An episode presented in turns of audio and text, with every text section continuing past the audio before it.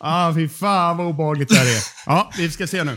Ni får, Nu ni, ni får bear with me. Jag sitter på toaletten nu och är därför ekar lite grann. Så, nu kör vi. Hör ni den? Hör ni den?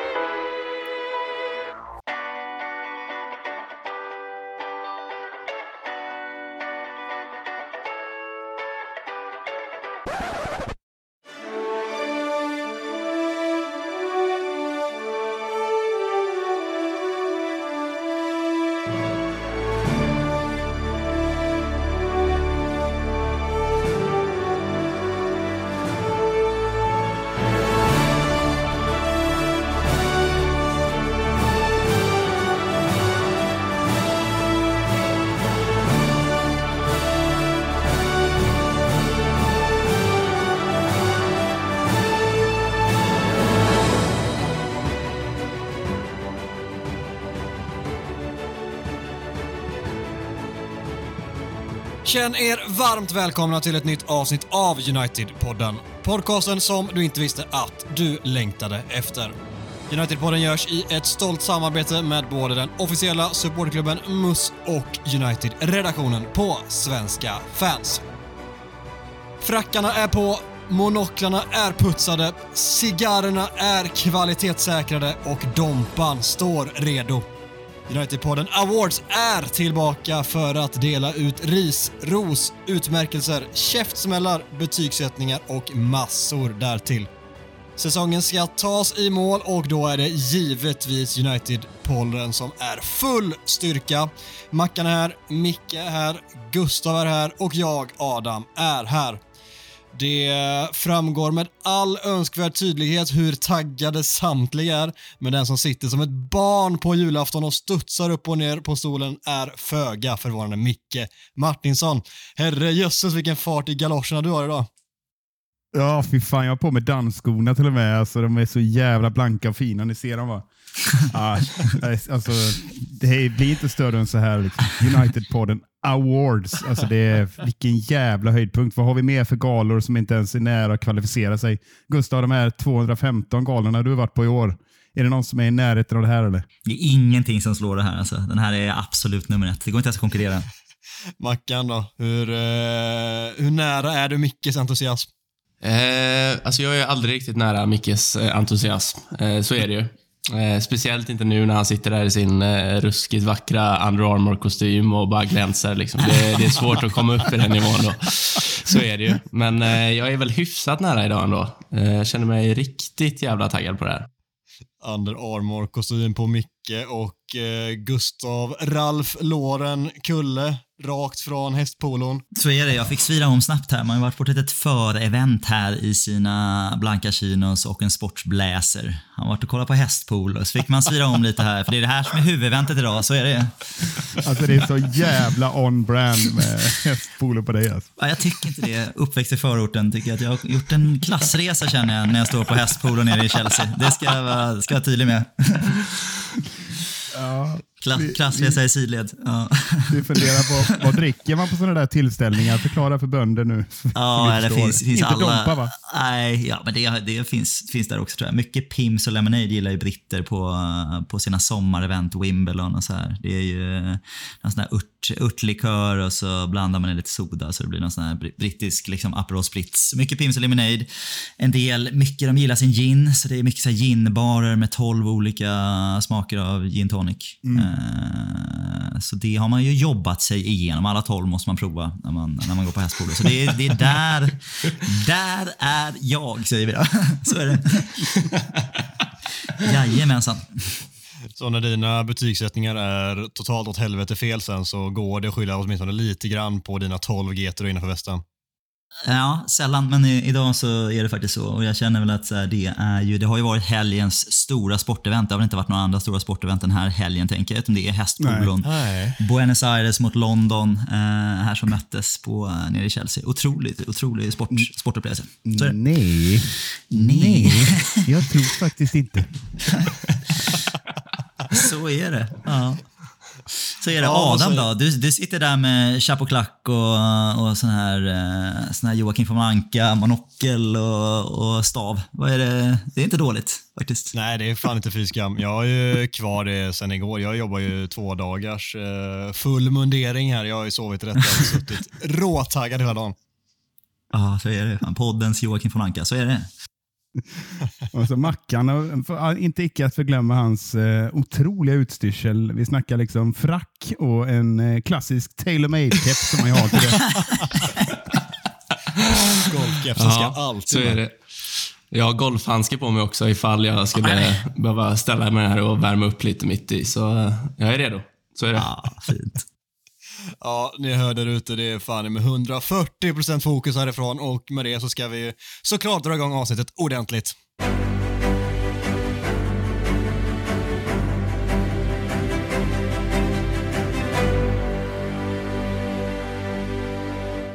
Manchester United förlorade bittert fa Cup-finalen mot Manchester City med 2-1. Vi ska absolut inte lägga någon särskild vikt vid den här matchen överhuvudtaget nu.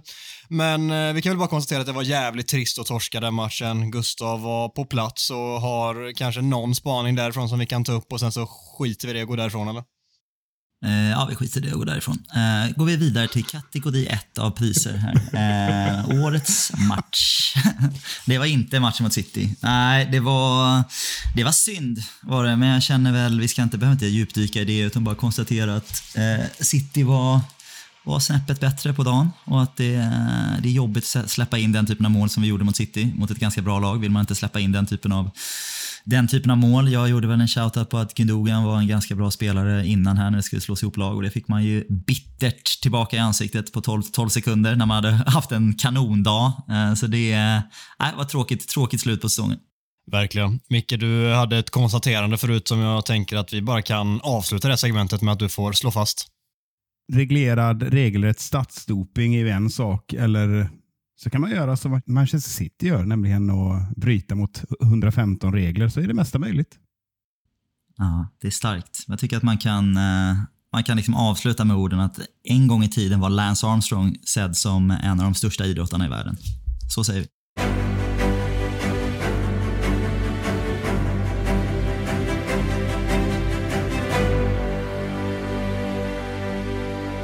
När vi inledde säsongen med avsnittet United-bibeln landade vi bland annat i ett gäng spaningar inför säsongen, eh, men också ett par bett som vi ska ta oss igenom och syna nu när säsongen är avslutad.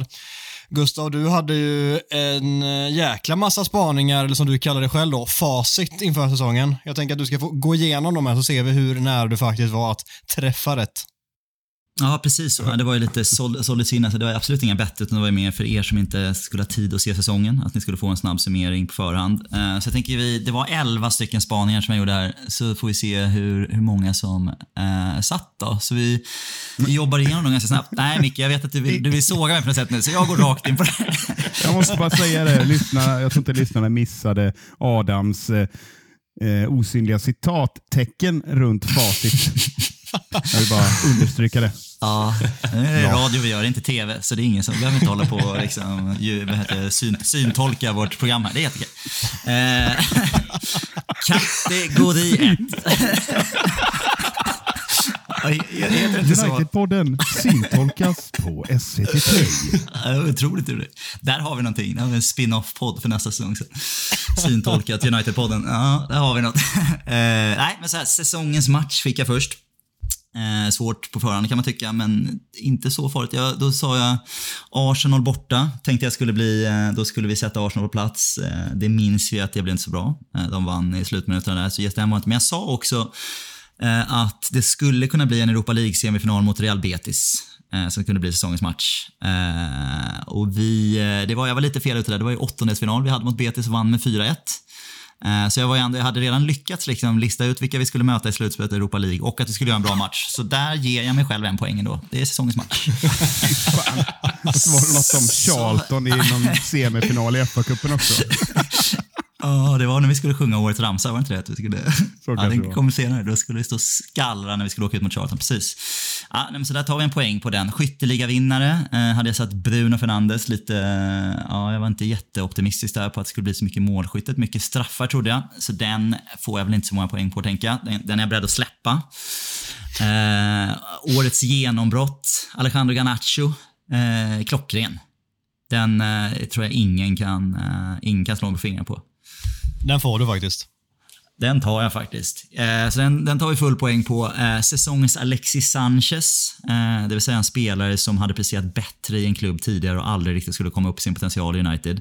Här eh, ute och slirade lite. Rafael Varane trodde jag skulle eh, ha en till svag sång. Det hade han verkligen inte va? Så det, det får bli ett nja där. Det blir inga poäng där på tror jag. Men annars eh, tycker jag rullar på ganska bra i poängskörden här. Eh, Usel spaning. Nej, vi behöver inte hålla på och adlibba varenda här. Eh, det är helt okej. Här, sen har vi den här, han skeppar vi till Inter. Eh, så det här är då alltså en, en spelare som inte kommer hålla måttet i United och kommer hamna i vårt reservlag. Och där hade jag satt Donny van de Beek. Eh, där känns det som att han flytt, hans flytt var liksom på väg när, innan han fick skadan. Så där, där känner jag liksom att han, han hade varit i Inter om han inte hade åkt på den här skadan. Eh, jag ger mig själv full pott för den, känner jag. Vad fan är det här? Det är Lilla Sportspegeln eller? Full pott på den. Ja, precis. Sen ska jag kasta bollar för, för en ryggsäck och en cykelhjälm. Precis, men han... eh, han... eh, men det kan vi ju hålla med om. Fanns det inte lite med Donny där? Det kändes som att han, han fick en 10-15 matcher och det såg svagt ut. Han var, han var på väg ut när han blev skadad, eller? Ja, verkligen. Men kanske inte till just Inter, som, där han absolut inte... De har inte varit intresserade av honom och han har absolut inte tagit någon plats där heller. Så den spaningen är sådär. Men eh, själva konceptet har du fan mig inte helt fel. Jag hör dig bitvis, ger mig själv en poäng. Eh, nästa är säsongens comeback. Eh, Martial har jag sagt där. Eh, nja, säger vi på den va? Eh, det var inte så bra. tror jag. En halv poäng ger jag mig på den. Tycker jag. Han gjorde ändå comeback under säsongen. Så det, det kan man ju ändå, faktamässigt så är jag inte ute och cyklar på det. Det gjorde han faktiskt. Men det var kanske inte den bästa comebacken. Jag tänker att ni skulle få, kunna få komma in här med vem som egentligen var det, men vi ska väl prata lite andra kategorier sen. Så vi, eh, jag rullar på helt enkelt. Sen har vi säsongens Ralf Rangnick. Eh, det vill säga en tränare jag avskyr. Eh, Steve McLaren har jag sagt där. Eh, och det är klockren spaning. Alltså. Så trött, Steve McLaren, tycker jag. Han känns supertrött. Så den tycker jag verkligen full pott på. Det har Steve McLaren har varit säsongens Ralf Rangnick.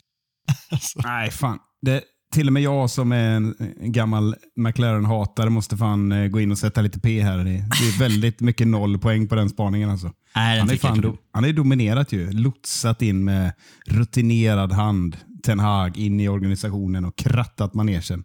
Nej, Nej, Halvt, halvt dement gubben alltså. Jag vet inte, jag tror inte han har tillfört någonting. Alltså.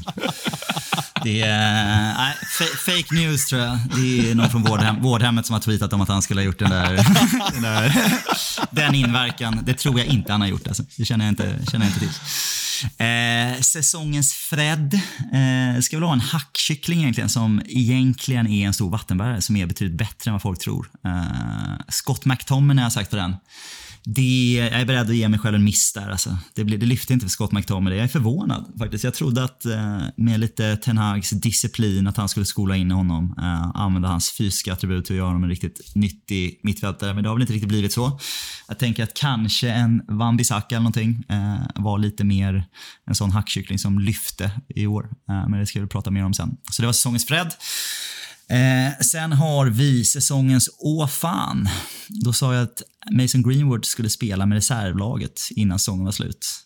Och det är inte långt borta nu va? Det känns som att den, det bettet missar jag med typ sju dagar eller någonting. Det känns som att han, han är så nära och flörtar nu med att han ska, han ska in i den här truppen. Så där ger jag mig själv full pott. Det är så nära tycker jag på Greenwood. Det är så jävla bra. Det är alltså en jättenolla. Ja.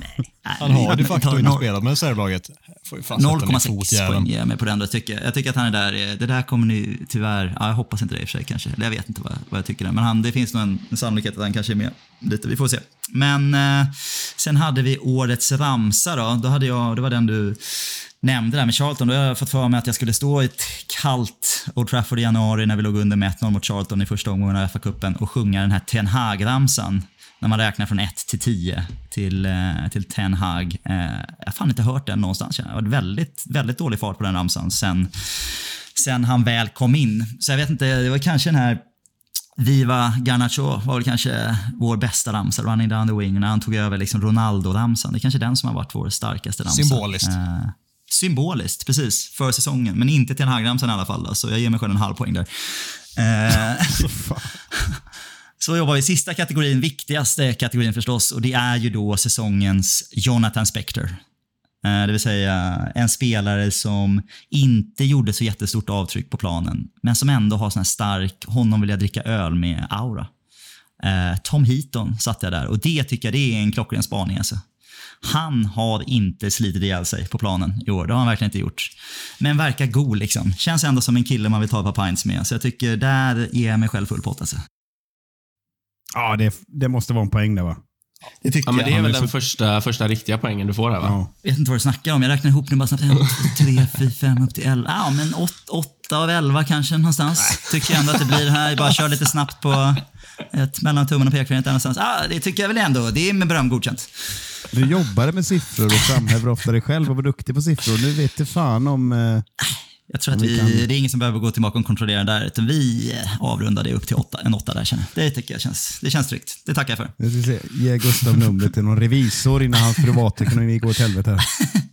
Ja, nej men så det, det var mina spaningar, men vi har haft lite bett och grejer också, har vi inte det? Jag tycker att det finns lite, lite skit- bett skit ute. i det. De vill jag höra om. Vi går vidare va?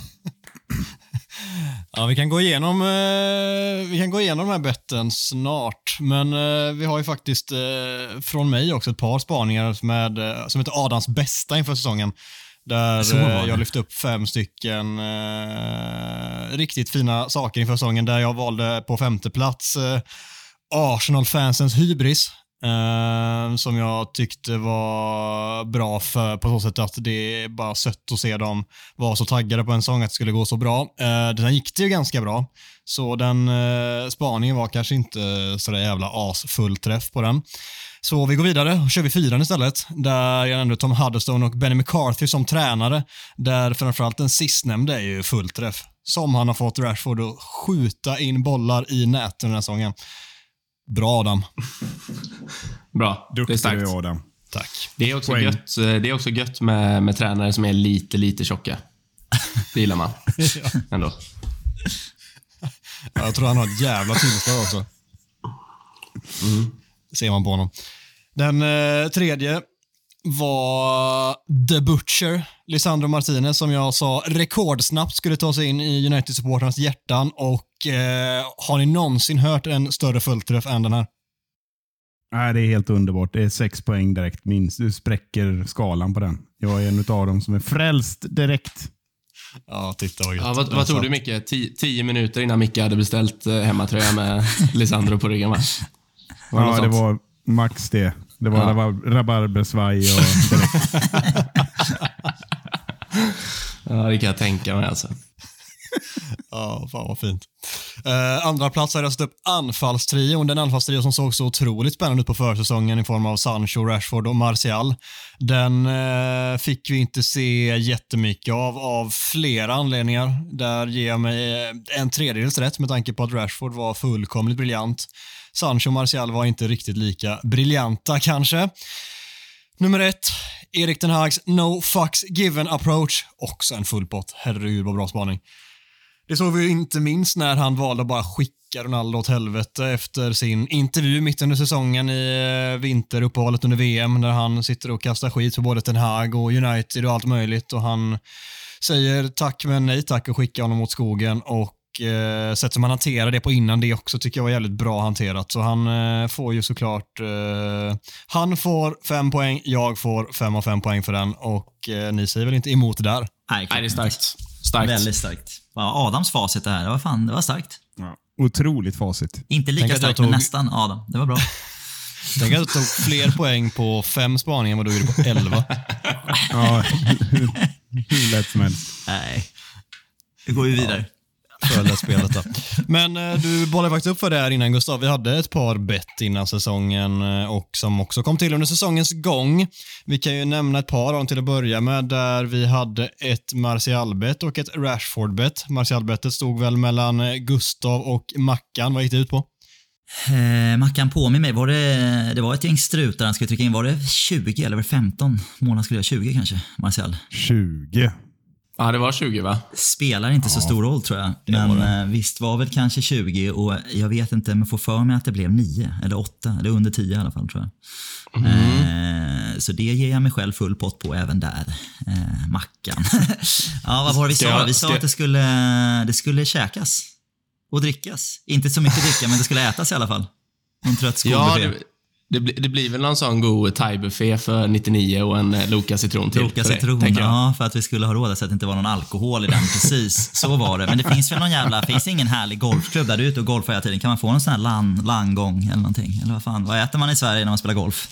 Ja, men det kan du... eh, Alltså det finns ju många här runt om i Göteborg. Många fina golfkrogar med många fina maträtter. Wallenbergare. Havets Wallenbergare är ju trevligt. Eh, väldigt- Wallenbergare menar du? Wallenbergare.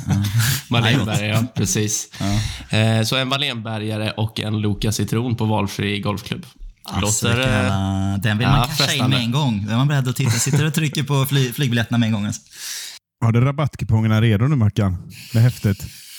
Du, eh, fan, jag, jag jobbar ju bara såna här eh, rikskuponger och de är tyvärr redan slut alltså. Eh, Jag har, förbru- jag har förbrukat dem. Ja, det är bra. Rikskuponger, ja, det är fan fint alltså. Ja, det här ser jag fram emot. Nej, jag ska, Ja, nu det ser jag fram emot att åka till västkusten. Ja, vad trevligt. Och ni hade en motsvarande lunch, men eh, en vuxenlunch med, med öl och Ja. snaps. Var det sagt va? Ajebus. Ajebus. Och eh, Micke, det handlar om Marcus Rashford där du satte dig motvalls när jag sa att han skulle spotta in mål den här säsongen. Och det var väl en, eh, en lina som satt på typ 20 mål här också, var 20 plus. Och eh, den barriären 20. spräckte han ju utan problem. Ja, men eh, den, eh, jag har inget emot att, att torska det. Ser fram emot lunchen och är så jävla glad att jag hade fel, fel, fel, fel, fel. Men var det inte så mycket att du också sa lite att här, en av anledningarna till att jag inte tror på det här, jag gillar inte riktigt Rashford som person. Tycker han verkar lite oskön. Var det inte, var det inte mycket det det handlade om också? Ja, jag är så jävla svårt för hans Moder Teresa-aura. Alltså. Den, det ogillar jag skarpt. Precis. Lägg av med det. Ja. Ja, det var ju det och så kände du att du själv likställde dig med, mycket mer med Ronaldo. Liksom. Du kände att eh, där korsade era vägar mycket bättre. Mm. Mina värderingar ligger mycket nära Cristiano Ronaldos. Alla som känner mig vet att det är så. Ja, säsongens Alexis Sanchez, Cristiano Ronaldo. Men det, en- sak här nu innan vi går vidare till nästa segment. Så, eh, så det, kän, det känns som jag hoppar över en spaning va? Jag, jag vet Ja, skit i det. Adam kanske gjorde det lite Nu med flit här. Nu klipper vi. Eh, nej, lägg ner nu. Den här ska jag få. En av, en av få arga spaningar som, eh, som jag ändå får rätt på i slutändan. Och det är ju, eh, det är ju vår kära lagkapten. Där jag hade honom som nummer två på saker som ger mig magsår inför säsongen. Fick man skit för. Eh, jag ställde frågan direkt Adam, Micke här bara, men magsår, så jävla dålig är han inte. Du är för hård nu Mackan och Ja, sitter vi här. Vad är vi? Tio, tio månader senare. Och eh, om era spaningar var rätt på det så vet jag inte hur man ska beskriva den här. Alltså. Det, det är ju så 10 poäng så det, det går ju inte. Har vi fått det sagt också? Har vi den spaningen eh, clearad? Micke, Adam, det är bara att böja er ner och... Eh, nu tänkte jag säga något dumt här, men skit i det. Den där vill jag höra slutet på. Vad har du där Mackan? Nej. Nu tar han ett glas vatten. Ja, det tackar fan för det. Alltså, när man har snurrat in sig i den där. jag, jag, jag den, räddar det här och konstaterar att det är lite krystat när man slår upp eh, fa Cup-finals eh, matchprogrammet här mot Manchester City och läser kolumnen “Kaptenen har ordet”. Stor helbild på, på Harry Maguire. Det är lite, lite stökigt när man ska läsa hans intryck i- av säsongen och den stora matchen och hur han ska, ska tänka som kapten inför den här matchen. Han ska sitta på och värma bänken. Det är ja, lite krystat. Ja, det var inte Harry Maguires säsong, det kan vi konstatera mycket va? Kul att du fick ha rätt för en gångs skull, Mackan. Ja, det, är- det, är- det, är- det är kul. Även om jag har rätt eh, ibland så är det sällan jag har så jävla rätt som jag ändå haft när jag har stått på mig mot eh, er två eh, tjommar där borta. Nej, Ja, där och då hade vi suttit hela jätterätt. säsongen och bara försvarat Maguire. Det var ju fan inte gjort. Vi sa det för tio månader sedan. Vi hade väl en snedfylla eller något? Var det inte så Adam? Jo, jo, det var det enda vi hade. Det finns ingen annan förklaring. än. Nej, men det, det, det är bra. Det är bra. Det är bra. Sen var det, det var något, något, till, det var något till bett va? Adam, var det inte det? Ja, visst var det någonting mer? Det var Kan inte riktigt med dra mig till minnes. Micke, påminn mig. Jag känner att jag kommer inte ihåg vad det var för någonting. vad var det nu? Kan det ha varit någonting Nej. mer? Nej. Kan ju inte varit mer. Det ju- Ja, ska vi känner hålla att jag lite på den eller? jag, jag skulle vilja börja tralla på en låt här just nu känner jag, men jag har dem bara på tungan. Vad fan snackar de om Mackan? Jag vet inte, jag vet inte, men jag bara får en bild av två flintisar framför mig. Bara eh, osökt. eh, Det känns som det är någon sån slager, eh, slagerduo där, som jag börjar tänka på. Lite lätt bara.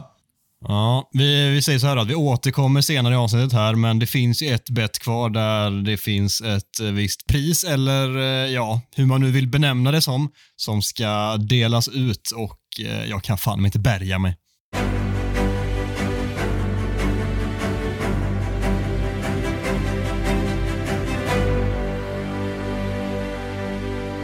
Vi har kommit till säsongens spelarbetyg. Vi har delat upp det med en lagdel var och eh, vi ska sen också gå ut med årets spelare.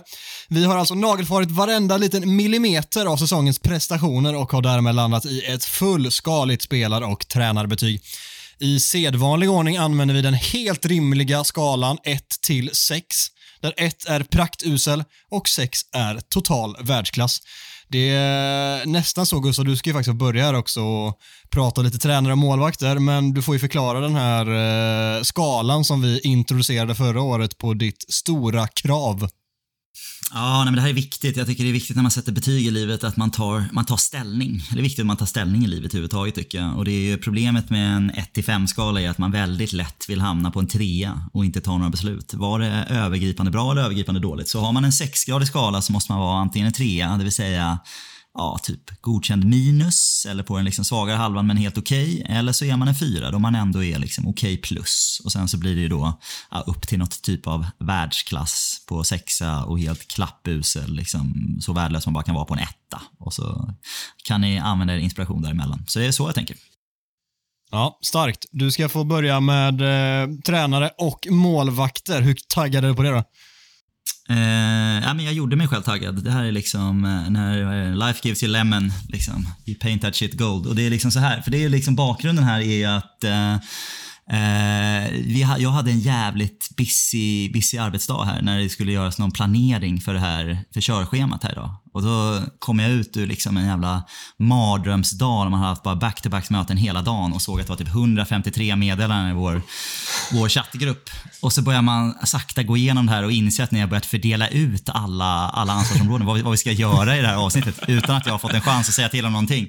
Vilket gör att ni har då liksom gett mig vad som på förhand då ska vara det minsta och tråkigaste området. En tränare och det, vi har ju typ bara använt en målvakt. Så jag fick årets tränare och årets målvakt. Så så här tänkte jag då liksom. Fan, skit i det. Jag tänkte köra varenda jävla tränare vi har faktiskt. Jag, jag har gått igenom allihopa. Så jag ska ha det de största segmentet. Största segmentet ska jag ha alla, jag tror att det är typ 18 tränare någonting som vi har i staben. Jag ska gå igenom varenda en. Alla ska få ett betyg från 1 till 6. Så tro fan inte att no one puts Barbie in the corner liksom. Tro inte att ni kan sätta mig på någon jävla skit, skitsträcka här liksom. Utan nej, jag, jag ska ha huvudsträcken. Men jag får väl köra dem ganska snabbt då tänker Vi, jag. vi hälsar lyssnarna bara så här, hoppa fram en kvart om ni vill eh, slippa det. Jaha, för nu går vi Man på... sätter ju alltid den sämsta på första sträckan, det vet man ju. Det är sen gammalt i stafettsammanhang. Nej, jag är vattenbärare, så det kommer ni märka. För nu ska vi gå igenom tränare, allihopa. Så, så vi börjar, vi kör i ganska rask takt här. Jag tänker att vi börjar förstås med den utvecklingsansvariga, U18-tränaren Travis Binion. Eh, U18-laget slutar trea bakom Sunderland. Eh, det är svagt, hamnar bakom Sunderland. Så han får en tvåa av sex. Eh, jag tar ingen feedback på det, utan så är det bara. Så går vi vidare till U23-tränaren. Gamla Djurgårdstränaren Mark Dempsey. Eh, slutar nia i det som kallas Premier League 2. Minus 18 i målskillnad. Det blir en tvåa där också. Eh, svag säsong av Mark Dempsey. Vi rullar vidare till akademiansvarig. Nick Cox sitter ni alla och studsar hemma och tänker, det är Nick Cox, äntligen, nu kommer det. Jajamensan. Han tog fram Kobe Mainu, det vet vi. Eh, Fick lite speltid där under säsongen, men ingenting mer. Eh, Zidane Iqbal, Matteo Meja etc. Ingen av dem lyckas riktigt forslas fram. Så även Nick Cox sätter vi på en tvåa. Svag säsong av Nick. Hård. Ja, det är hårt. Nu blir det lite mina, mina favoritkategorier här. Ansvarig för sports science. Eh, då är det förstås Edward Leng jag tänker på. L-E-N-G, fyra bokstäver. Det är alltså Leng som ska in på horisontellt. Eh, och där kan jag känna att vetenskapsmässigt känner jag att vi gör en ganska stabil säsong. Eh, vi får en fyra där, Edvard Läng, tycker jag. Jag tycker där är han ganska, eh, rent, rent på pappret, liksom, tycker jag att vi är ganska bra. Eh, så det blir en fyra, tycker jag. Det är bra. Edvard Läng, du, fortsätt så, så blir det här bra. Nu kommer vi in på riktig favoritkategori. Det är en av mina favoriter, styrketränare. Har ni, vem, vad har vi för styrketränare? Kan ni den eller? Det är väl din gubbe, eller? Det är Är min det? gubbe. Det är en gammal, mm. nästan till en class of 90, 92 uh, Michael Clegg. Clegg, Clegg som, som är sånt här som barn eh, blandar ihop och kastar på väggen, är inte det Clegg? Men han, han gillar det. Michael Clegg. Hade fått en sexa, just för att han är en gammal akademitalang. Men han börjar se lite trind ut, Michael Clegg. Det gör han faktiskt. Och att vara en fystränare som inte har varit på gymmet själv i flera år, det kan jag inte ge en sexa för. Så det får, det får bli en femma för Michael Clegg ändå i år. Han har käkat Play-Doh-lera. Han har ätit, han har ätit klägg. Blir man Han, liksom, precis, han har tagit sitt namn på alldeles för stort eh, allvar. Äh, ätit och blivit lite, lite, lite check han blivit, Michael Clegg. Så det blir en femma på honom. Eh, och här är de han borde jobba med då. Fitnesscoach, Charlie Owen förstås. Okej säsong. Däremot lite väl lik David de Gea i sin ansiktsbehåring bitvis. Vilket gör att det blir lite snurrigt när jag ser honom sitta där på bänken. För det känns som att det är David de Gea som sitter på bänken och är på planen. Eh, det stökar till det för mig och då får man en trea, Charlie Owen. Eh, raka dig och kom tillbaka nästa år så kan vi få högre betyg. Inga konstigheter på det. Två stycken fitnesscoacher har vi. Jag vet att ni har ingenting att säga till om här, så jag bara kör på. Det är vi inte ens halvvägs. Så knäpp upp en öl. Eh, för nu går vi jävlar. vidare på nästa fitnesscoach här. Italienaren Paolo Gaudino. Paolo Gaudino. Eh, Och det här, när jag hörde det namnet så fick jag för mig att det här var den här italienska sjökaptenen som lämnade sitt kryssningsfartyg som hade gått på grund. Kommer ni ihåg han? Paolo Gaudino, men det var inte han. Han hette Francesco Cettino. Inte samma kille. Och det tycker jag känns bra. Så då ger vi en femma till Paolo Gardino. bra säsong av Paolo Gardino. Inga, inga kryssningsfartyg som har gått på grund. Eh, Så då får vi en femma. Eh, Det här går bra, va? Eller har ni, har ni någon feedback halvvägs? Eller? Det här är starkt. Nej, starkt. Då bara, bara rullar vi på. Jag, jag, jag, jag, hade, Ansvarig- jag tror jag hade satt exakt samma faktiskt hittills. Ja, jag vet du var lite, lite osäker på Nick Cox där, men det, det känns okej. Vi, vi kan inte hålla vi med om allt. inte Eh, så är det. Ansvarig för fysiska prestationer. Långa titlar har man här. Eh, Richard Hawkins heter han. Richard Hawkins. Och namnet Richard Hawkins det är ju till 92,85 procents namne med den brittiska evolutionärsbiologen Richard Dawkins. Superbra kille. Får man en fyra. Eh, det tycker jag. Det ska han ha. Richard Dawkins är inte löst. vår, men det är Richard Hawkins. Då får man fyra. Ah, jajamensan, ser du. Eh, fler fystränare. Jävlar vad har fystränare. Richard Maron. Eh, jag tycker i grund och botten inte att vi har känt så fysiskt trötta under säsongen. Eh, så bra säsong, Richard Maron. En femma, tycker jag. Eh, så är det. Fan vad många tränare vi har. Här har vi chef för rehab och fysträning. Eh, Robin Sadler förstås, då, sitter jag och tänker på. Han har kämpat på bra, eh, så när på en sexa, men han löser ju inte Phil Jones återkommande skadeproblem, så vi får dra ner honom till en femma. I övrigt stark rehabsäsong av Robin Sadler. Eh, sen här, gamla polaren, medicinsk coach Jim Moxon. Eh, prickfri säsong, eller så när på en prickfri säsong innan han slarvade bort Jadon Sanchos huvudvärkstabletter på väg till Sheriff i Moldavien. Va? Stökigt. Blir en fyra på honom då. Annars var det såg ut att gå mot en klockren sexa Jim, men det blir en fyra. Kan inte hålla på och slarva bort det där. Så, så kan vi inte ha det. Målvaktstränare går vi in på istället. Richard Hartis. Eh, jag satte en fyra på honom med motiveringen att det var inte hans fel. Eh, jag tänker att vi kommer in på det sen. Så det var inte liksom, det var inte hans fel att det blev som det blev. Han hade en ganska bra säsong, målvaktstränare. Assisterande målvaktstränare, Craig Mawson. Prickfria uppvärmningar innan match. Mycket sådana halvvolley skott en meter från mål. Det blir en femma. Så stark ut, Craig Mawson tycker jag. Det ska han ha. Nu går vi in på de lite mer eh, liksom, eh, high achievers här. Vi har en hjälptränare, Erik Ramsey. Eh, googlade det här. Eh, kolla, han är inte släkt med kocken Gordon. Eh, blir en trea på Erik Ramsey då, tänker jag. Eh, gillar matlagning. Eh, så där, nej, vi kör en trea på honom. Fler hjälptränare. Benny McCartney. Benny med i. Eh, det gillar jag. Och plus... Alltså, han, McCartney. ja, Är det Paul McCartneys eh, bror? Sa sa McCartney. Jag googlar det snabbt nu bara här live. Inte släkt med Paul McCartney. Eh, Nej, för dåligt. eh, nu, nu ser jag också på Google här, inte ens namnet med honom, utan Benny McCarthy heter han. Så nu är Micke ute och snurrar där. Så det är Benny McCarthy vi pratar om. Benny Det var du som sa McCartney, inte jag. Nej, det tror jag inte. Känns ofta glad. Vi ger, vi ger en fyra till Benny McCarthy. Tycker ser jävla glad ut. Det, det ska han ha. Eh, en till hjälptränare har vi, Darren Fletcher. Eh, jag gillar ju honom, men jag tycker lite oklar roll han har i organisationen nu. Jag känner, började inte han säsongen i en mer högt uppsatt position? känns jag. Han har tekniskt inte- Teknisk eh, sportchef var han ju. Teknisk sportchef var han och nu är han bara officiellt hjälptränare. Eh, Det kan inte vara en bra säsong. Så han får en trea, Darren Fletcher, trots att jag gillar honom. Teknisk direktör heter det väl ändå, om jag inte är ute och Så cyklar. var det ja. Det, Så lå- det, låter, ju- det låter han- rimligare. Han var ju underställd, eh, eh, vad heter han? Personen som, har yrat lite. Ja, här var, han var ju hans, hans organisation. Ja, han hamnar som hjälptränare istället. Eh, nu så är det assisterande tränare Steve McLaren. Jag har redan förklarat där lite vad jag tycker om honom. Grundtanken när jag hör hans namn är, lever den jäveln alltså? Han får, får Roy Hodgson att se ung och vital ut, tycker jag. Eh, det blir en etta på Steve McLaren. All, all, all, aldrig riktigt gillat Steve McLaren, så är det faktiskt. Eh, så har vi en till assisterande tränare, Mitchell van der Gaag. Dubbel-A där. Eh, det är liksom en jävla karbonkopia. Det är väl han man får när man beställer Erik Ten Hag på Wish, eller vad han heter det? Så får man honom istället. när man ska ha ett födelsedagsmeddelande får man Fitcher van der Gaag. Så han är, liksom, han är bra, men inte riktigt lika bra som Ten Hag. Eh, så han får en fyra ändå. Mitchell van der Gaag. Ungefär som Klopp som tog in någon statist så, som såg exakt likadant med samma glasögon. Bara ställde upp honom på linjen där. Ja, det, kän, det känns så liksom. Stökig, stökig person. Någon jävla, han har en otrolig jävla bil också, har inte det? Micke, har inte du snackat om det här tidigare? Att han har någon jävla sport, något sportåk eller?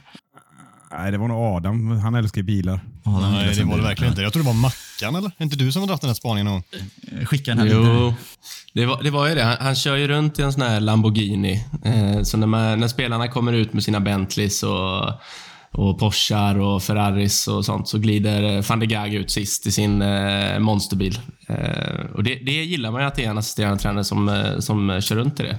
Det, Ja, det, har något. Det är kaxigt. Det har något faktiskt. Aha. Så Var det sign-on-bonusen tror ni? Jag ska ha en jävla Lamborghini, annars kommer jag inte. Det hade varit gött som assisterande tränare. då. Det är gött. Det är inte liksom 18-åriga Garnacho som har fått sitt första stora kontrakt som glider runt i den, utan det är hjälptränaren som är typ 50 år gammal. Ja. Ja, Nej, det är säkert fembarns, eh, fembarnsfarsa också. Inga, inga kids får plats i bilen. De får, de får stanna hemma och åka bussen. Så jävla opraktiskt. ja, det är någonting med den där nederländska arrogansen. Ja. Charmig men också otroligt ocharmig. Så är det.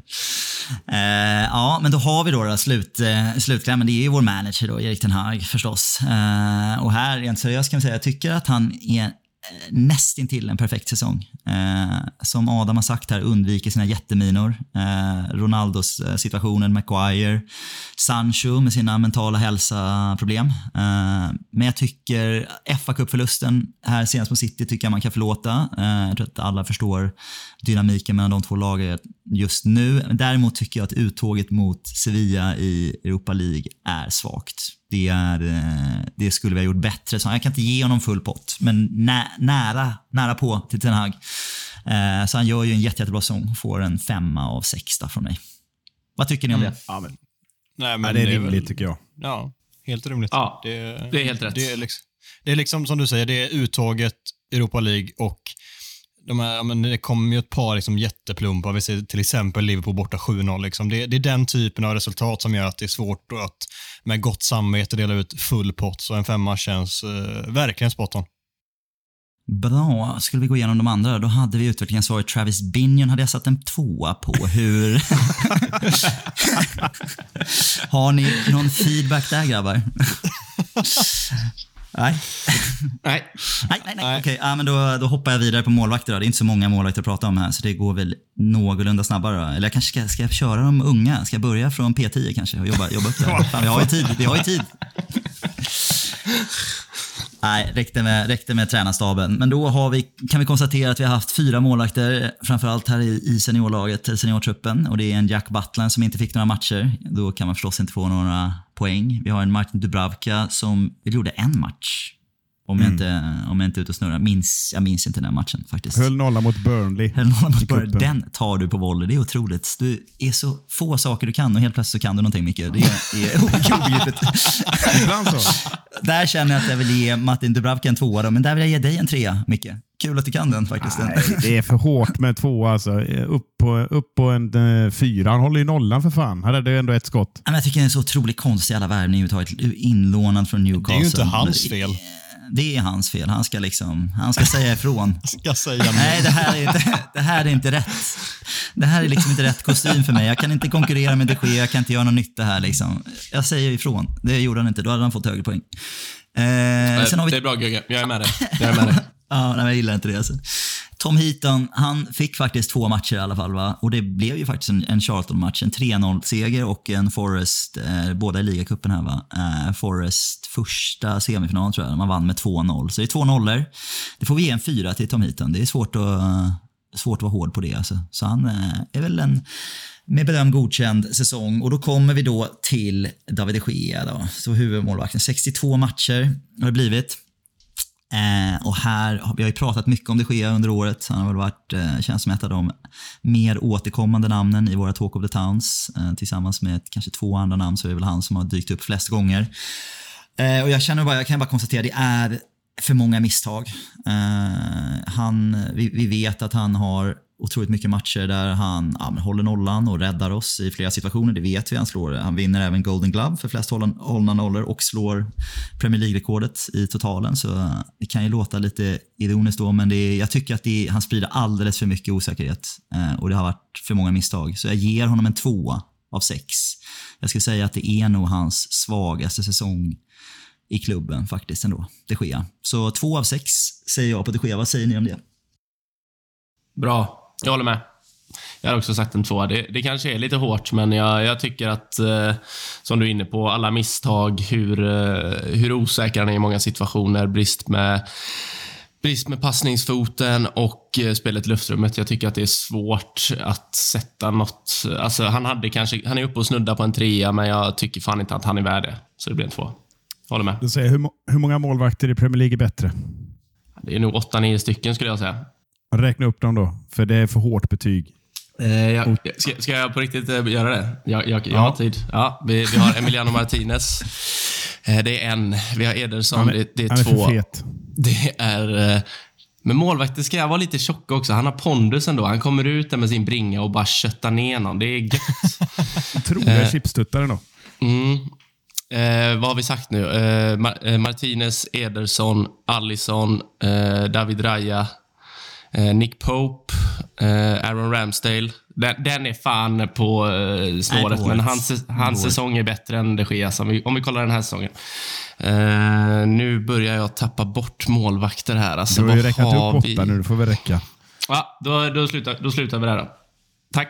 Tack för mig. Nej, jag säger så här. eh, Visst, han gör ingen bra säsong och sen huruvida det är den sämsta säsongen. Förra säsongen var han ju ännu sämre tycker jag. Eh, otroligt usel säsong. Släpper in betydligt färre mål. Det är tre, fyra matcher och tar bort dem. Jag vet, man kan inte göra det. Det är inte hans fel. I de, alla de matcherna eh, mot Liverpool kan man inte säga att det, det är de Geas fel. Nej, jag tycker det är alldeles för hårt med två. Jag skulle säga en tre och en halva, trea. Oj, tre och en halva till och med. Nära en Mm. fyra. Otroligt. Nej, där är inte, inte ens i närheten känner jag. Jag tycker att han eh, jag tycker att han kommer undan ganska många matcher som vi kanske också vinner, eller han håller nollan där jag känner att det här hade vi kunnat bli straffade eh, på grund som, som ni säger här med liksom det svaga luftrummet eller Han höll ju nollan. passningsfoten. Ja, men det är också inte nödvändigtvis för att det har sett så jävla stabilt ut i alla, alla hans nollor. Eh, Men jag tycker att det finns ett mörkertal på eh, misstag som hade kunnat drabbas mycket hårdare än vad vi, vad vi har gjort. Så jag tycker att det, nej, jag, tycker, jag gillar de Gea. Det, det vet ni som har lyssnat på podden. Så jag försvarar honom gärna som person. Men eh, som spelare så, ja, jag, tycker han gör, jag tycker han gör en svag sång. Eh, så är det helt enkelt. Nej, men jag, jag håller med dig. Jag blev faktiskt förvånad att du satte en tvåa. Jag trodde du skulle sätta en trea med tanke på hur pass mycket du ändå har försvarat honom.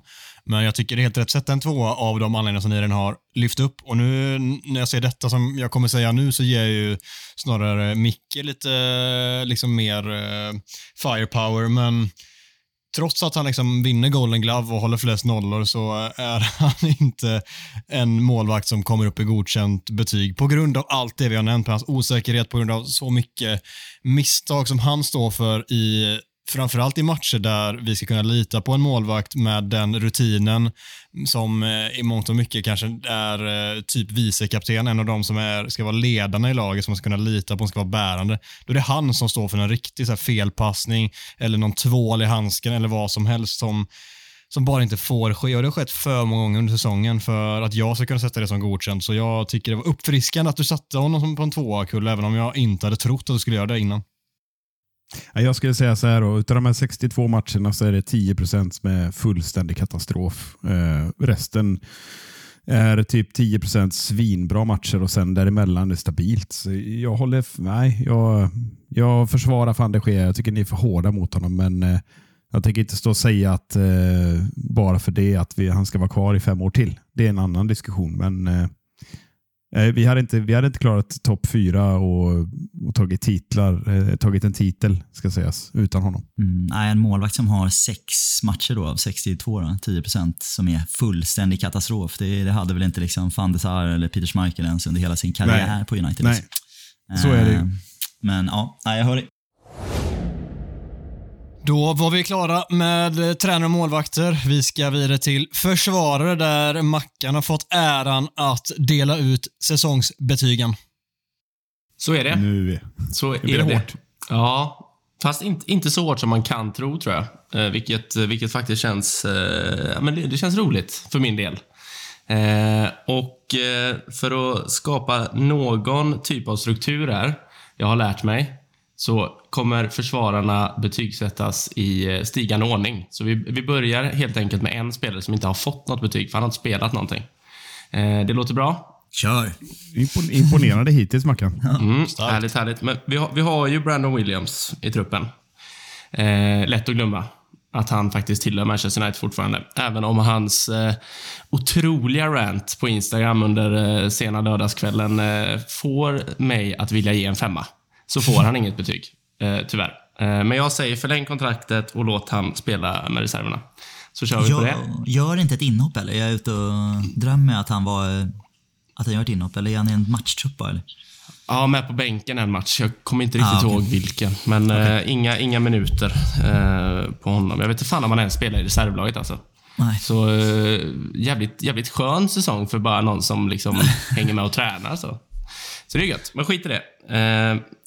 Sen går vi då till eh, en etta. Det finns, det finns ju en eh, etta som vi har varit inne på i avsnittet tidigare. Och det är, det är svårt att säga annat än att eh, Harry Maguire har varit klappusel egentligen hela säsongen. Eh, inleder väl med två plattmatcher direkt, eh, där det är lätt att peka på honom som syndabocken. Eh, men han gör det också lätt för oss supportrar att, eh, att det blir så helt enkelt. Eh, tycker att detta är hans sämsta säsong i United.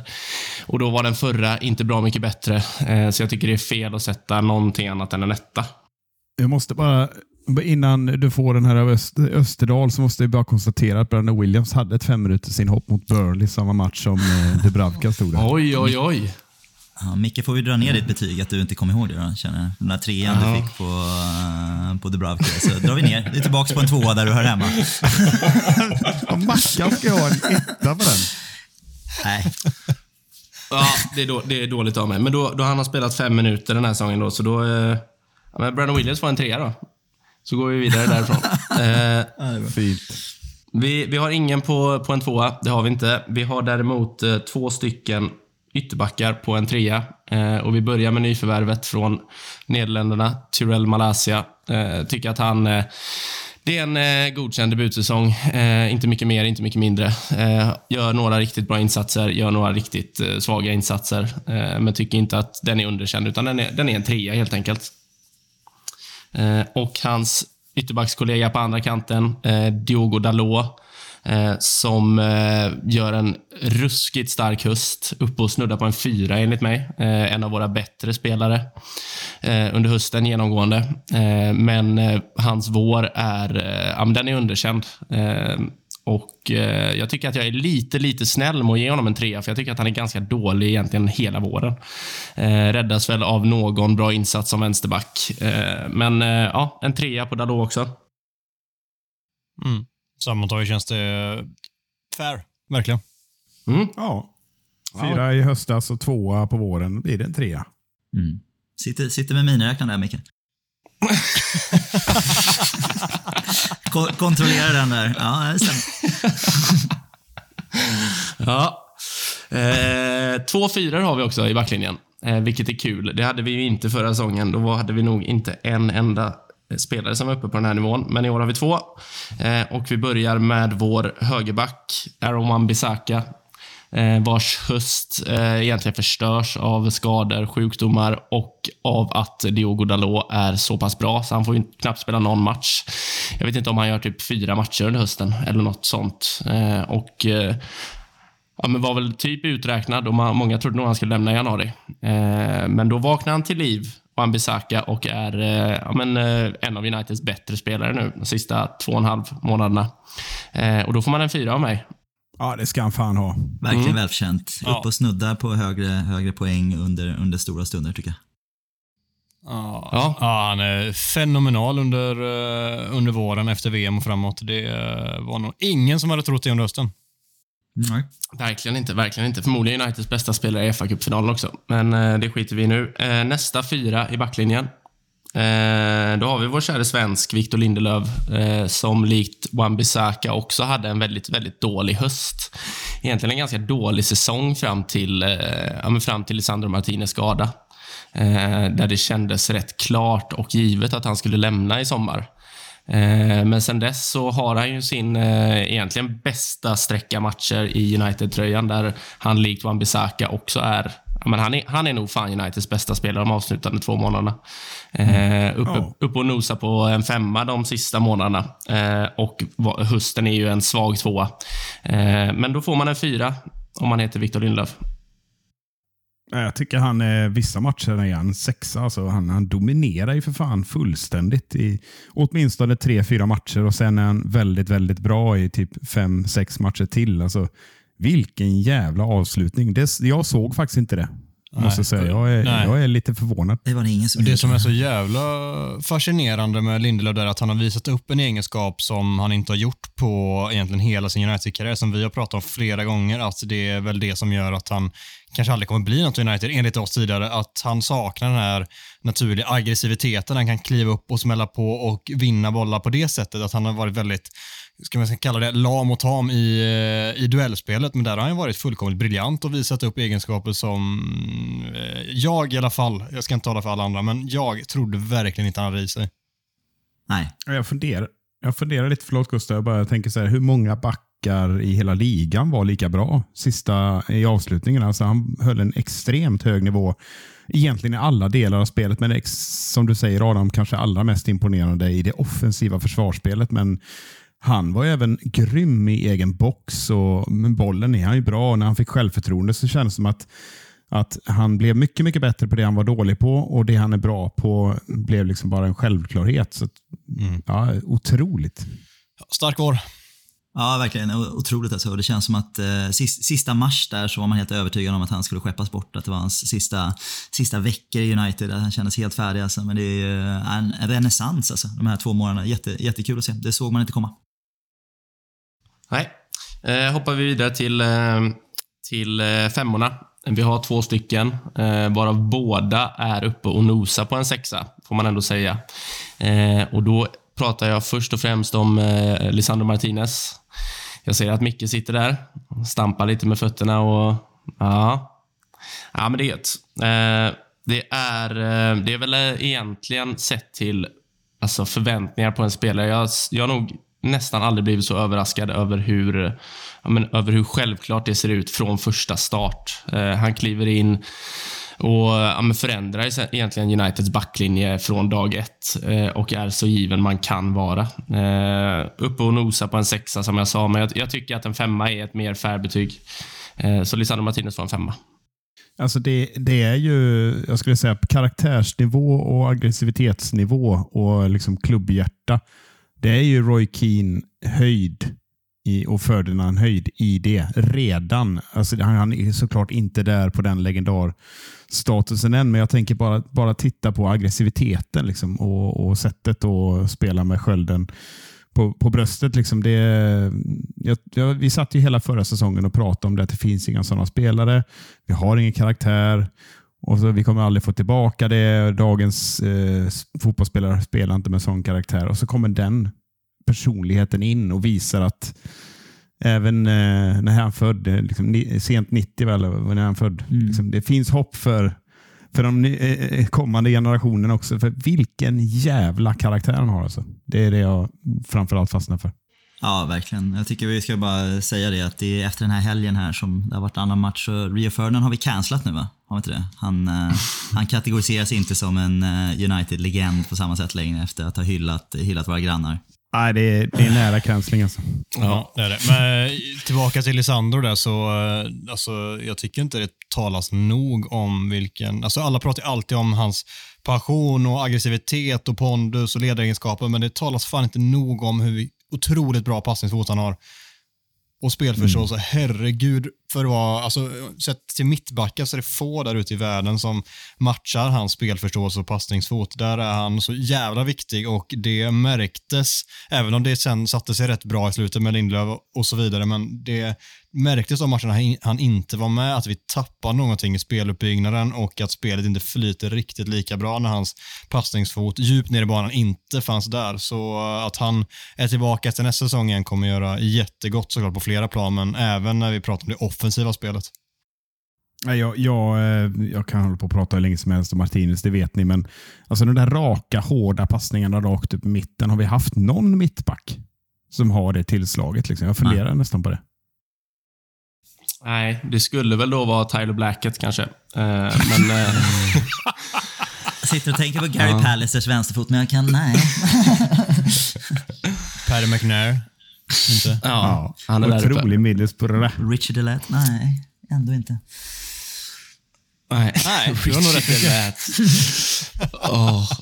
Ah, fy fan. Ja, Richard, Richard Lelät hade ju för övrigt en eh, ruskigt fula tatuering, en sån stjärna runt armbågen.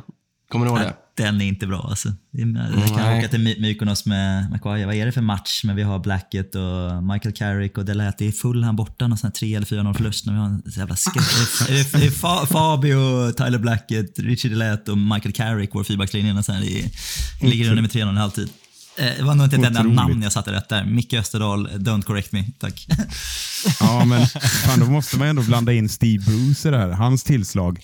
Det liknar, du vet, det ligger, det ligger en sån här plast badboll så vid poolen, så bara drar man till det med träskor på. Han hade ju det uppspelet. Han kan, han kan fan inte dämpa en mjukglass, alltså, Steve Bruce. Han var fin på huvudet. Ja. Ja, det är gött. Nu kommer vi rätt långt ifrån eh, vår eh, sista mittback här som ska få en femma. Men eh, jag tänker, jag, hoppar rätt in och det blir ju såklart Rafael Varan. Jag tycker att hans debutsäsong var allt annat än bra. Jag tycker att hans andra säsong är väldigt, väldigt, väldigt bra. Och är väl i stort sett, han blir också lite bortglömd på grund av hur bra Lisandro är och var. Eh, Så man glömmer nästan bort Varans säsong. Eh, Men eh, jag tycker att han är på samma höjd som Lisandro under stora delar av den här säsongen. Också upp och snudda på en sexa stora delar. Men jag landar i att han är en femma. Ja, var, Jag kommer inte på något annat att säga mer än att jag är lite förvånad att han studsar tillbaka och når den, jag ska kalla det för Real Madrid-nivån igen. Då. Eh, Så otroligt konsekvent är det, när, jag, när jag kommer att tänka på honom. tänker jag på konsekvent. Alltså ständigt, ständigt hög nivå. Liksom. Ja. Kan man också lägga till att han är, han är helt fantastisk för, i, för sitt Frankrike i VM också. Eh, där han är en av eh, turneringens bästa mittbackar. Så eh, bra säsong på alla plan för honom. Trots skada inför också. Det såg man ju inte heller att han skulle studsa tillbaka. Så kommer han tillbaka och håller stora delar av säsongen, då, förutom eh, på slutet här. Men eh, konsekvent var ordet. Mm. Vilka jävla Ja, mittbackar var det egentligen, man tänker på det nu med Lindelöfs sista månader och Varan och Martinez där. Det är eh, länge sedan vi kunde känna så kring våra försvarare. Verkligen. Ja, Mackan, eh, hur känner vi kring eh, din insats här då? Jag tycker ändå att du kan få en, eh, du kan få en fyra för den. Det var bra. Ja, tack. Tack, tack. Micke ser skeptisk ut, men Nej, fan, du, är uppe och snuddar ändå på en ja, tre och en halv, kanske fyra. Ja, vi säger fyra. nej, snällt. Det är Jag snällt. hade, hade inte ändrat ett betyg tror jag. Det är fan en rak, rak sexa, så jag höll med rakt igenom. Tack. Det är nog första gången du, du ger mig en så bra komplimang, Gustav. Ja, vad säger du Lasse? Aldrig hört Gustav säga något så snällt till någon i podden. Kan du ge tillbaka sen lite senare?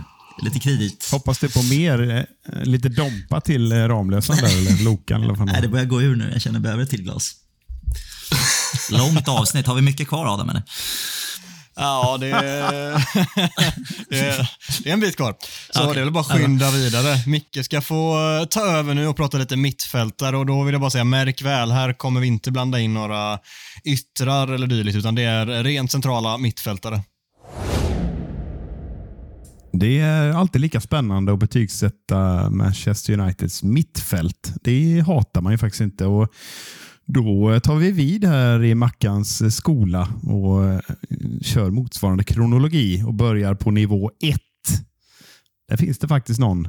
Ehm, och Det är vår fina, kära holländare som vi har pratat om redan idag. Som inte gick till Inter alltså. Slutar vi med quizen och så avslöjar vi att det är Donny van de Beek som skrapade ihop Eh, fantastiska tio framträdanden och fyra matcher från start. Det var, eh, det var liksom allt eh, han åstadkom. Eh, visst, den där elaka skadan, absolut, men eh, jag kan inte i ärlighetens namn innan skadan då minnas en enda insats som var i närheten av godkänd. Alltså totalt genomuselt eh, och förvirrat trots att han fick testa på sin gamla favoritposition flera gånger i början, eh, alltså nummer 10-rollen. Och så flyttade man ut Bruno och sen spelade han ibland som åtta också, men fick oftast bara hoppa in och se förvirrad ut. Så det är svårt att sätta något annat betyg än en etta.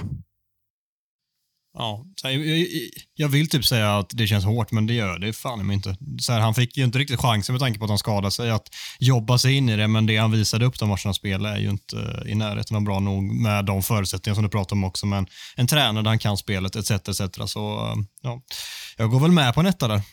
Ja, känns som det är tufft att argumentera emot i alla fall. Men eh, vi hoppar över eh, nivå på två här också, precis som Mackan gjorde. Det känns onödigt. Eh, sparar vi lite tid och går på nivå tre istället. Och Där har vi eh, vår eh, fina inlånade österrikare Marcel Sabitzer som kom in från frysboxen i Bayern München. En, eh, första jag tänkte på när han kom in att oj, vilken bra spelare som, som fanns tillgänglig på ganska kort varsel, men lite diffus form. Visste inte riktigt vad man hade honom. Och Hans eh, roll var ju att ersätta just skadade Christian Eriksen och det gör man ju inte jättelätt, men eh, jag summerar så här en trea för att han, han gör absolut inte bort sig och var kanske allra bäst när han fick eh, spela i motsvarande roll som Donny fick chansen i, alltså, som en djupledslöpande tia. Eh, och han har ju också andra egenskaper, men tycker han gjorde, gjorde det riktigt bra. Där jobbade hårt och skrapade ihop då trots blott 11 matcher från start, tre mål, ett assist. Eh, och Det är väl lite förväntat ändå, tänker jag. Och jag hade en fin känsla ett tag att han kanske blir kvar, men nu känns det väldigt tveksamt att han blir det. Nej, men det är Ja, bara, bara hålla med med. tror jag. jag tycker. Gustav håller med. Vad är det som pågår? ja, vi, vi hoppar vidare till nästa eh, man till rakning som ligger på nivå tre. Det är Scott Nej, där McTominay. håller jag inte med. Det hör jag med en gång. Sorry, vilket namn sa du? Nej. Ja, Scott. skönt. Nu, nu, nu känns det som att vi är tillbaka i rätt universum igen. Jag blev lite orolig ett tag när jag fick ett medhåll från Kulle. Men eh, tung säsong naturligtvis för skotten som alltjämt dragits med sina skador. Och Känslan är som jag har haft, så här, vad har han haft för skador? Alltså, det har ju varit lite så här hockey, eh, odefinierat, så här, underkroppsskada. Så brukar man ju säga i hockeyslutspelet. Fick vi in en hockeyreferens där också. Men eh, oavsett så är han ju tydligt andra val och kommer liksom inte närmare en plats om man bara har 15 starter. Känns mycket ändå. Det känns som man knappt spelade.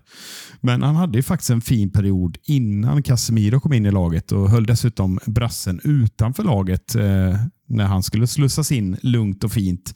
Och likt eh, Sabitzer så åstadkom han 3 plus 1 också eh, på de här 15 starterna. Jag tycker det, det är en godkänd insats, eh, men som vi konstaterade tidigare, vi hade väl lite högre förväntningar på McTominay, men ytterligare en sån här mellanmjölksäsong. Nej, så. Ja, vi hoppar upp på nivå fyra och här känns det ändå... äh, Jag mår rätt så bra när jag får sätta en fyra på Fred. Som, som vi älskar så mycket i den här podden. Och Han gör ju en klassisk Fred-säsong. Eh, ena matchen är han fladdrig och hopplös. Man undrar vad fan, kan han inte göra ett rätt? Vad, vad, vad gjorde han på plan? Liksom, missa bussen och allt det där som vi har hånat innan. Och sen blir han sådär plötsligt klinisk och liksom underbar i, i spelet med boll och framförallt utan boll är han ju, skulle jag säga, i, i, förutom Wan-Bissaka, kanske den bästa spelaren i laget. Otrolig i pressspelet och liksom pressar he, ett helt lag själv känns det som då och då. Och han gör alltså 6 plus 6 i alla turneringar. Det är fan bra facit och når höjder otroligt. ibland Ja, är otroligt. som, eh, som man inte tror. Så eh, jag tycker det är ett klart godkänt betyg i, trots att han har en ganska otacksam roll som andra fjol. Ja, klockrent betyg. Fyra är perfekt på mäktiga Fred med håret och frisyren som vi alla älskar. Det är ju 6 plus har vi redan, har vi redan Ja, bestämt. Inga mer protester så hoppar vi till våran fina dansk Christian Eriksen som eh, bokstavligen uppstått från de döda via Brentford. Eh, kommer in och börjar jävligt stappligt. Det var, det var inga starka insatser de första två matcherna, men då fick han ju spela nia i premiären och eh, sexa i den andra. Och man kan väl säga så här, han var väl inte riktigt bekväm i någon av de rollerna. och Sen dess däremot så har han fått spela på sin eh, roll oftast då som åtta på mittfältet. Eh, I någon enstaka match tia kanske, men, men framförallt så har han ju funkat som en länk mellan Casemiro och resten av laget och gjort det med den äran. Eh, visserligen kom han inte igång efter skadan, men jag tycker eh, två mål, tio assist alla turneringar tycker jag är eh, klart godkänd säsong för Christian Eriksen. Och Lite likt eh, när Lisandro försvann. Man märker att det försvinner en dimension när han inte spelar. På sin höjd, ska sägas. Ja, det är väl också en sån, liten sån spelare som Dalot som gör en eh, jävligt stark höst. Eh, upp och snuddar på en femma där skulle jag säga. Eh, och en, eh, en svag vår efter skadan. Eh, vilket, eh, vilket också är fullt förståeligt. Såg, såg väldigt sliten ut. Eh, men eh, hans vår är ju nere och, och snuddar på en tvåa skulle jag säga. Eh, men jag, jag tycker överlag att fyran är, ja, det är fullt, eh, fullt rättvist. Mm. Det verkar som vi är hyfsat överens. Och så hoppar vi upp en till nivå och där på nivå fem så hamnar vår fina Ironman Bruno Fernandes som eh, alltså spelat 59 matcher i den röda tröjan och, och 11 matcher i Portugals tröja som jag fått lära mig är vinröd. Jag är ju lite lätt färgblind och har problem med nyanser framförallt. Ja. Ja. Vi snackar alltså 70 matcher. Det är ju helt sick. Fan, spelar ni NHL eller vad är det som pågår? 6000 minuter har han sprungit omkring och pressat och stressat och jagat och, och eh, gett allt för det där laget med oftast kaptensbilden på armen, vilket har känt jäkligt bra. Han började ju lite Bruno-mått mätt, ska sägas. Lite skakigt och svag slutprodukt framför allt, men har successivt spelat upp sig. och alltså Han återfinns ju som vanligt i topp när det gäller skapade målchanser i ligan. Och 119 eh, stycken han skrapade han ihop liksom, i Premier League och, och nio före tvåan Kieran Trippier som eh, gjorde det hyfsat, får vi ändå säga, och 21 före överhåsade Kevin De Bruyne. Det är ju fantastiska siffror och trots att det var ingen som kunde göra mål där inne förutom Rashford så gör han alltså 14 plus 13 alla turneringar. Han är lite för ojämn för att kunna nå sexan ska sägas, men det är en sju jäkla säsong han gör Bruno. Verkligen. Nej, men det är Ja, bara, alltså bara briljant. hålla med.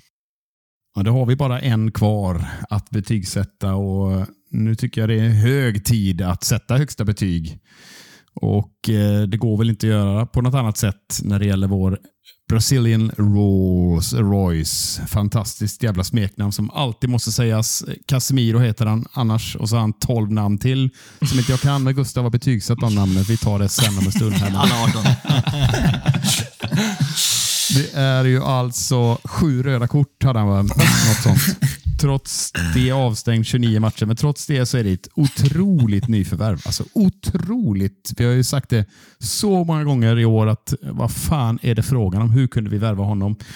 Vi har suttit och tjatat och tjatat och tjatat tio år innan och två år i den här podden. Att var är Paul Scholes eh, efterträdare och, var, och Michael Carrick när han var på sin topp. Och då har vi tjatat ihjäl oss efter en mittfältstrateg som aldrig dök upp. Men den 27 augusti borta mot Southampton i matchminut 80 så stod han på plan där. Och Sen dess har vi liksom ingenting varit sig likt egentligen och, och, bara sätta kontexten. Sju mål, sex assist från en defensiv mittfältare. Mm. Att jämföra med en annan håsad eh, mittfältare. Rodri som gjorde tre plus sju. Eh, möjligtvis fyra plus sju nu när jag tänker efter. Här. Ja. Men eh, totalt sett. Men, men, men, men, eh, det är ändå ren, ren och skär världsklass. Det har åldrats dåligt den spaningen. Ja, nej, men det, det är bara att hålla med. Jag, jag kan väl så här, höja ett varningens finger på att jag tycker att han, han håller på att trassla bort sin sexa där lite på vårkanten. Med, både med sina, mm sina utvisningar och avstängningar när vi behöver dem som allra mest. Och han också känns som att han liksom i den där vevan att han har ett par till såna idiotsatsningar där man känner, fan ska han bli utvisad igen nu? Liksom? Nu håller han på liksom, ja, men det kändes, kändes lite stökigt. Plus att han var inte superdominant direkt när han kom tillbaka från sin avstängning heller. För man har väntat på att det skulle komma och det var ett par matcher då han inte var, var topp, tycker jag. Så han var nära där och snuddade på att han skulle tappa sin sexa. Men eh, det är klart att det är ett jävla supernyförvärv, det. Nej, fullkomligt briljant och sexan är på sin plats. Fan vad skönt att få dela ut en sexa. Det var vi inte asnära på att göra i fjol. Nej. Nej. Känner du dig nöjd och klar där, Micke? Ja, checkar in på en sedvanlig femma, va? Jag tycker att, äh, men här måste jag skämt säga att jag håller fan nästan med allihopa, så jag är beredd att ge en svag tvåa ändå. Jag tycker det, det,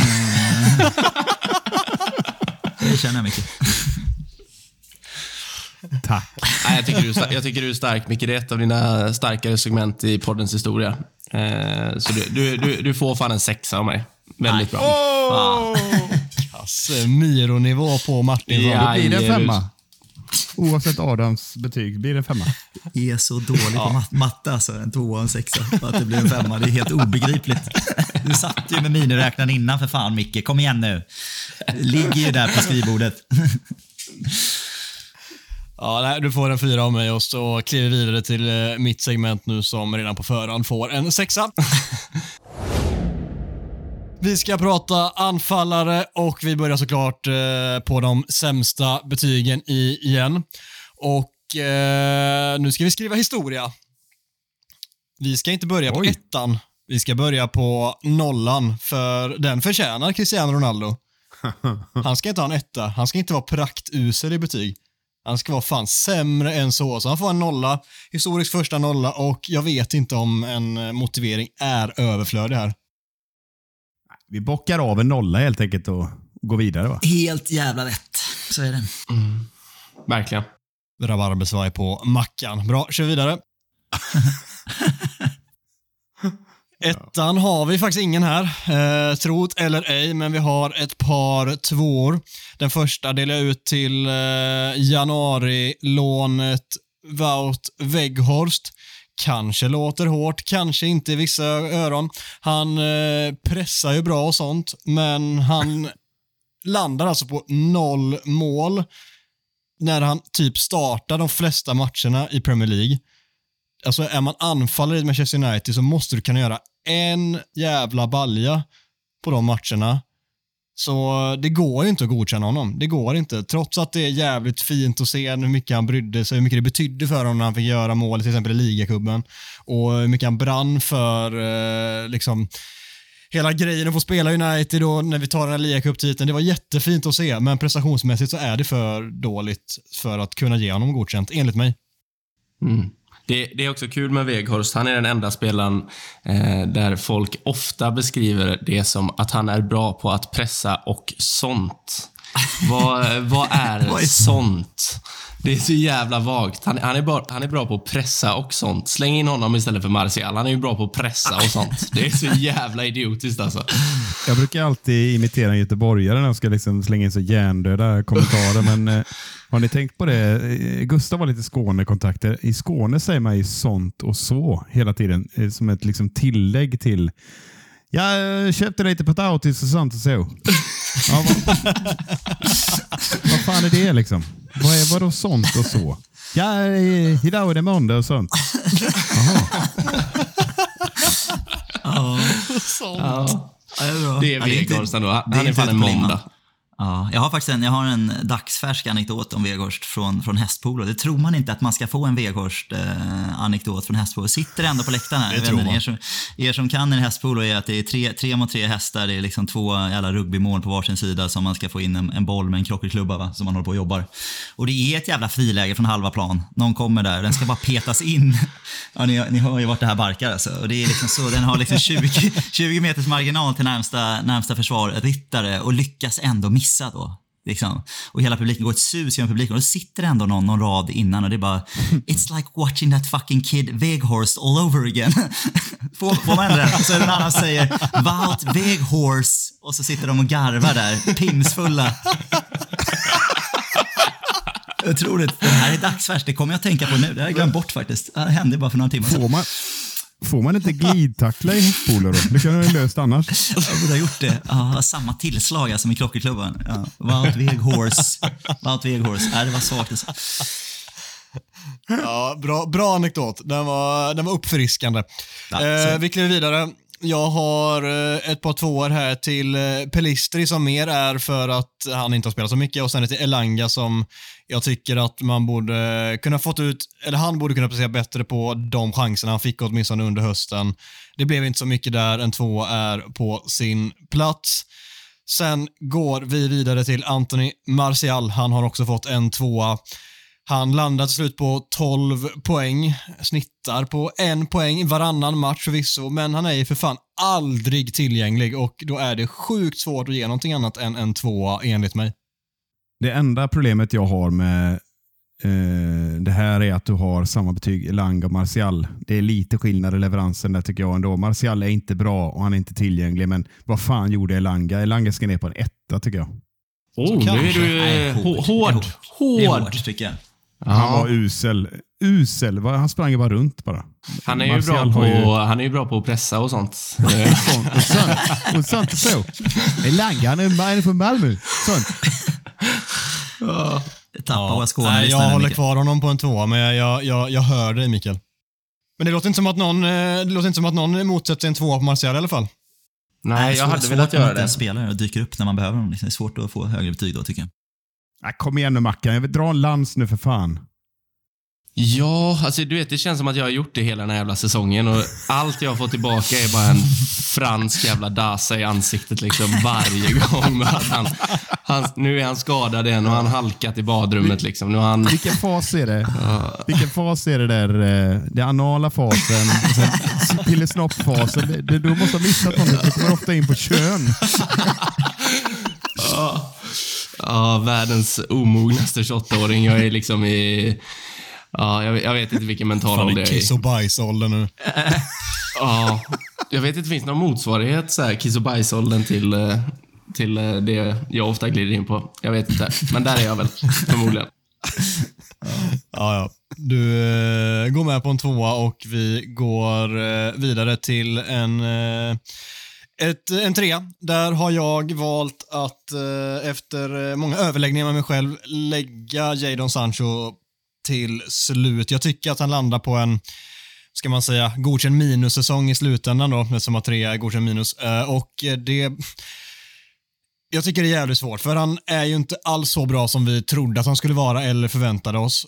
Men jag har också överseende för att han hade det jävligt stökigt mentalt och jag tycker att han periodvis visar upp det registret som vi vet att han har i sig. Men det sker för sällan.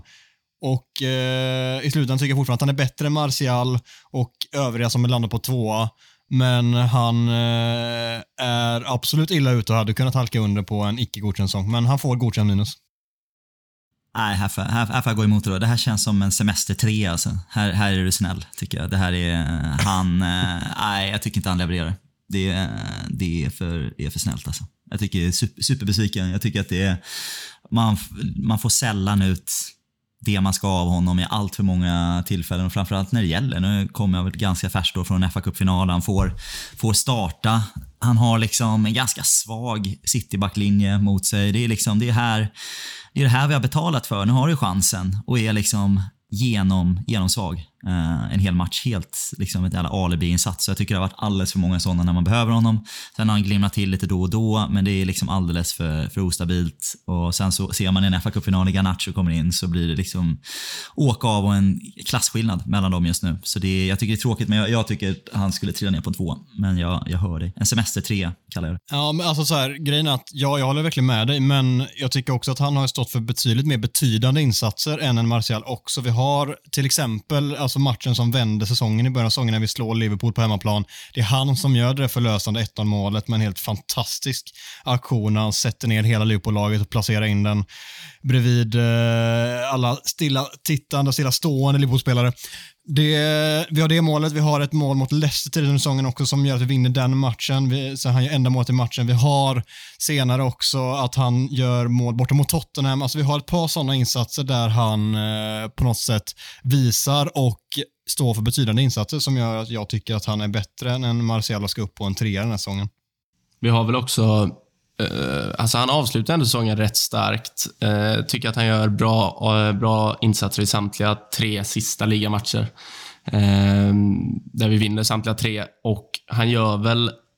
Gör han någon... Jag tror han gör en assist på de här tre matcherna, men borde ju vara uppe och snudda på 5-6 assist sett till, sett till chanserna han skapar. Och... Eh, ja, men sättet hur han, eh, hur han fungerar i en fungerande offensiv. Jag, jag tror att han lider lite av att vi inte har haft en fungerande nia på samma sätt som Bruno eh, har lidit av det ibland.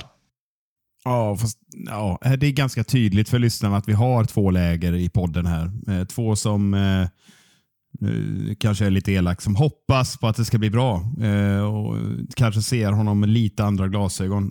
Ni får tycka exakt vad ni vill, men jag är på Gustavs linje. Jag har svårt att se att, att den här säsongen är så mycket bättre än Martials igen. då. Martial eh, kanske inte gör eh, avgörande mål mot Liverpool, men i, i stundtal så har han hållit den i väldigt mycket hö, högre nivå än, än Sancho tycker jag. Och, och som Gustav säger, Garnacho, eh, vi kommer väl till honom, men det är klasskillnad verkligen. Det händer mycket, mycket mer och eh, jag, jag vet att han har haft det tufft, men jag har svårt att sätta något annat betyg än två på Sancho. Vi hoppar upp till fyran då. Där har jag två stycken spelare. Den första är Viva Garnacho som eh, står för en eh, jättebra debutsäsong i Manchester United. Han gör typ, jag tror det var 37 matcher, många av dem inhopp i slutändan. Han gör 10 poäng och han eh, visar ju en sån, ett sånt jävla driv och också, alltså nu pratar om avgörande insatser, han har ju faktiskt också gjort väldigt mycket avgörande mål där han har antingen kommit in och stängt matcher eller kommit in och gjort typ fullen borta där han gör 2-1 målet sent eller mot City där han kommer in och står assisten till exempel då till Rashford etc. Han har sådana insatser som eh, utöver all råpotential, utöver allt han bidrar i sin speed och sin hunger och vilja att bara gå rakt på som vi saknar i mångt och mycket så har han, ja men alltså det är så jävla spännande att se. Det, många kanske nästan så här, fan, höj honom. Det han har gjort har varit jättebra, men nej. Det, det blir en fyra i slutändan och jag tror att vi kommer sätta ännu högre betyg på honom så småningom. Ja, alltså jag hugger direkt här och bara konstaterar att jag vill blanda in Ten Hag i det här betyget också. Eh, och Det kan låta som en efterhandskonstruktion, men det är ju alla betyg. Men eh, det var ju tydligt att han hade problem med eh, disciplinen under eh, i somras och eh, fick först spela mot Raja Vallecano i den där hysteriska helgen. Vi spelade tio matcher på två dagar eller vad det var. eller så var det två. Men eh, alltså det, det inhoppet, då, var, då såg man ju direkt. alla Jag har inte sett honom så mycket förut mer än typ lite YouTube-klipp. Eh, Jag följer inte U12-laget som eh, Österdal gör. Men, men eh, jag såg direkt att det här är något alldeles extra. Och Ten Hag har verkligen behandlat honom med silkesvantar. Och inte låtit honom starta, starta, starta, utan han har fått kämpa för sin, eh, sina minuter och han har, som du är inne på Adam, tagit vara på det ordentligt. Och Det känns som att han har byggts upp och står nu redo att explodera för nästa säsong. Så jag säger hatten av till Ten Hag och hatten av till Viva Garnacho. Vilken, vilken debut! Verkligen.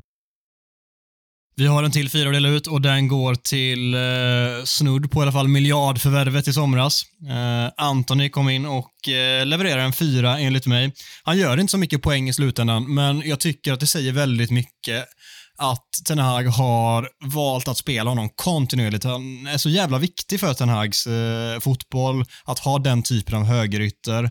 Och Eh, jag tycker många gånger att det ser sämre ut när han inte spelar, trots att han, man kan frustreras som fan att han inte liksom kommer till avslut eller att han inte är rakare i slutändan.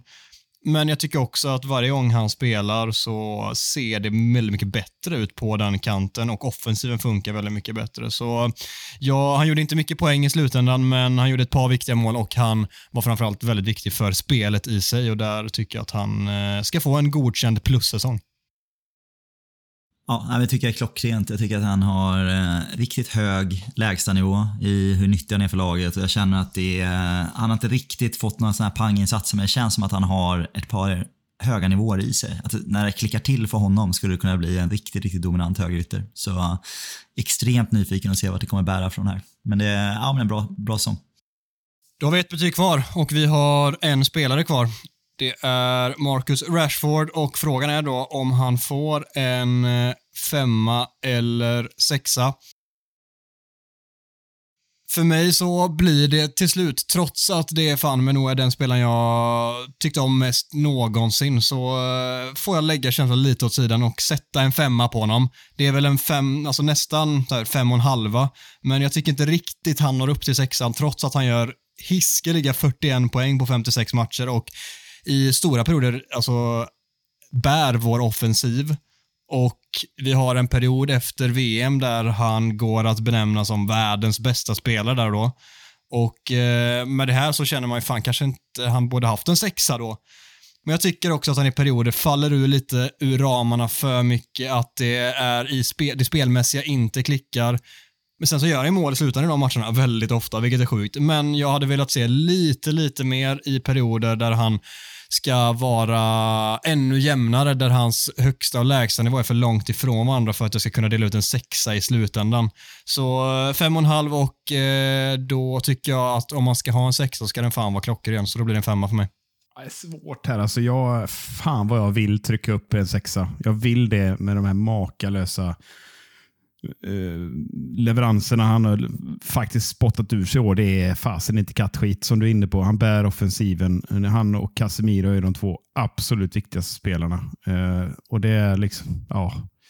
Men det är som du säger, det är, det är en känsla av ibland så blir han lite alibi och bara försvinner. Men frågan är hur många matcher är det han gör det egentligen? Och vad ska han göra för att få en sexa? Avgöra finaler, jag vet inte. Alltså det är fan vad det Ja, jag, jag säger fan en, jag säger han är en sexa. Säger jag. Jag, jag häver ur med det. Det är bra Micke. Jag, jag, jag, jag tänkte dra en lans för det. Alltså han, är, han, är, han, är, han är en sexa för mig. Jag tycker att han... Eh, alltså de, de kliv han har tagit den här säsongen, så bra han var eh, under stora delar av våren eh, har vi nog fan inte haft en spelare, en offensiv spelare i United som varit de senaste jag vet inte hur många åren. Eh, men eh, han var på en nivå som, eh, som jag inte har sett sedan... Van Persie. Vad ska vi ta? Ja, van Persie. Det är en bra jämförelse. Vad är det? Tio år sedan nu. Och gör man 41 poäng på 56 matcher i ett Manchester United som man inte får glömma bort har haft det rätt tufft offensivt så har jag svårt att säga att man inte är en sexa. Alltså. Ja, jag lägger, jag lägger min röst åt Adams hållet här. Jag tycker ändå Micke argumenterar mot sig själv och håller med, håller med din punkt att han är lite i kontinuiteten. Och jag tycker om man jämför med den absolut, absolut bästa. Och om man tittar i Premier League då med, ja, Haaland är väl liksom på någon egen skala just nu, men en Harry Kane så känns det ändå som att han dyker upp lite fler matcher när det verkligen behövs Harry Kane än vad Marcus Rashford Mm. har funnit, försvunnit lite för många matcher. Än, även här kanske en fa Cup-final nu lite färskt i minnet där man känner att det är ett par matcher där man det är nu det verkligen man vill att, ska, att han ska vara där. Då är han fortfarande lite, känns som att han är en andra fiolsanfallare. Att han inte riktigt har tagit det här klivet än och verkligen dominera. Men det är otrolig statistik, så det spelar inte så stor roll. En fem och en halv eller en jävla kanonsäsong. Liksom. Det är ja, en Ja. grym säsong. Men de matcherna där man har känt det att fan, det är nu han ska kliva fram, det är när det inte funkar, när vi inte gör något mål. Alltså egentligen, alla andra lag har ju någon som gör mål då istället, som svinkar över de liksom få matcherna där det inte riktigt klickar till tusen procent för honom. Så eh, kanske nästa säsong med en ny anfallare att vi kommer värdera det på ett annat sätt för att det inte blir så otroligt påtagligt när han själv inte har sin bästa dag på jobbet. Sen tycker jag fortfarande att han kan höja lägstanivån lite, lite grann, men jag tror inte det kommer vara lika påtagligt när han får någon form av draghjälp i offensiven som han under stora delar inte har haft den här säsongen. Nej, det är en väldigt bra poäng. Så är, så är det ju verkligen. Och det, vi alla längtar efter att Rashford ska få lite avlastning. Så är det. Vi ska snabbt dela ut säsongens spelare. Vi går bara varvet runt och nämner ett namn var. Mackan, vem får säsongens spelare enligt dig? Det får Marcus Rashford. Och Gustav? Nej, Casemiro för mig. Micke? Casemiro. Avgörande rösten. Det blir Casemiro.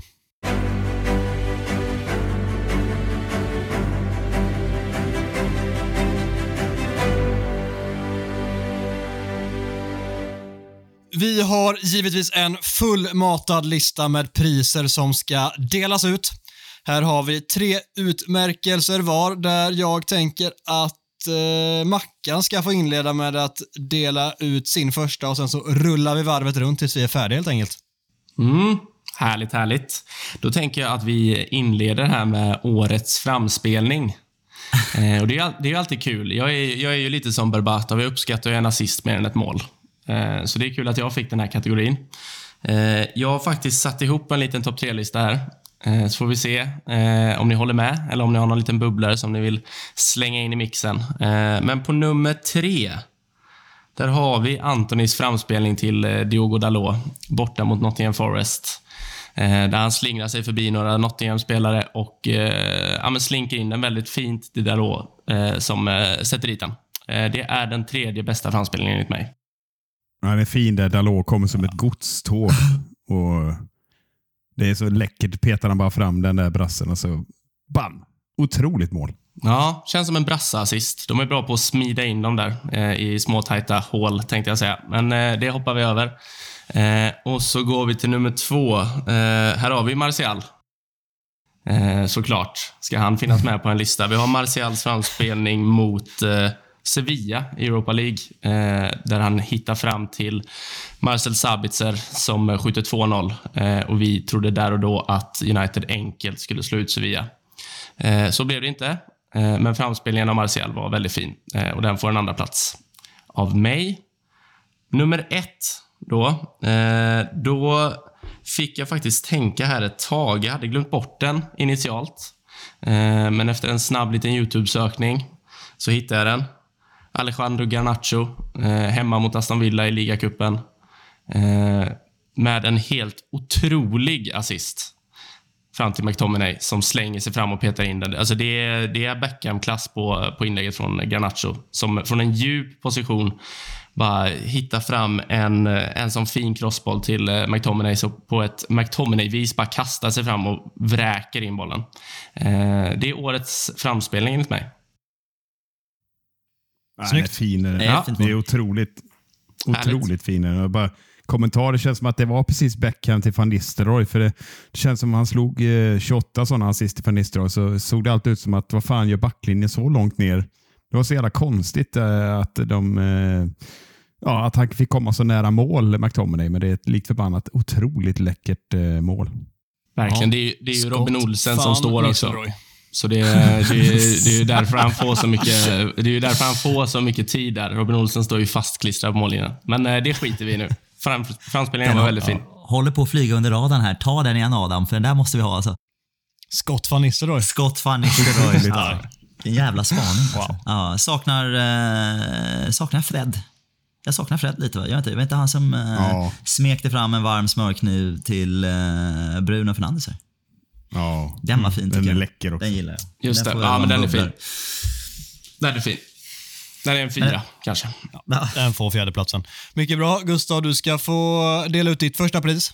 Så är det. Jag fick eh, äran att dela ut årets match. Eh, här, lite svårt att välja faktiskt. Jag känner att jag, det var lätt att man hade kunnat trilla ner det nostalgiska spåret här eh, för mig och Micke som hade en otrolig resa, för er som följde med förstås, till Manchester när vi slog City hemma med 2-1. Eh, men jag tycker inte att det är vår bästa insats. Eh, utom då hamnar istället att det svåra blir att välja mellan vilken av de två matcherna i dubbelmötet eh, mot just Barcelona. Eh, för här tycker jag vi är fenomenala i 180 minuter. Det är nästan inte att vi sätter en fot fel på två matcher mot ett otroligt dominant Barcelona. Eh, jag väljer ändå returmatchen på Old Trafford där vi vinner välförtjänt med 2-1.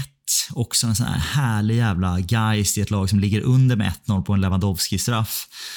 Vi hade, hade spelat bra i första matchen så kände man att fick Barcelona en jävla dum straff, var på väg ut ur straffområdet, någon sån här jävla gratis, gratis straff. Eh, och så liksom kände man, jaha, det blev inte mer än så här. Men så har vi ändå liksom, har vi hjärtat och själen och liksom vända den här matchen till en väldigt välförtjänt 2-1-seger. Fred och Anthony gör mål eh, och jag tycker att vi liksom välförtjänt slår Barcelona över två matcher. Eh, och det är nog de bästa insatserna jag har sett oss göra sen Sir Alex Ferguson tror jag.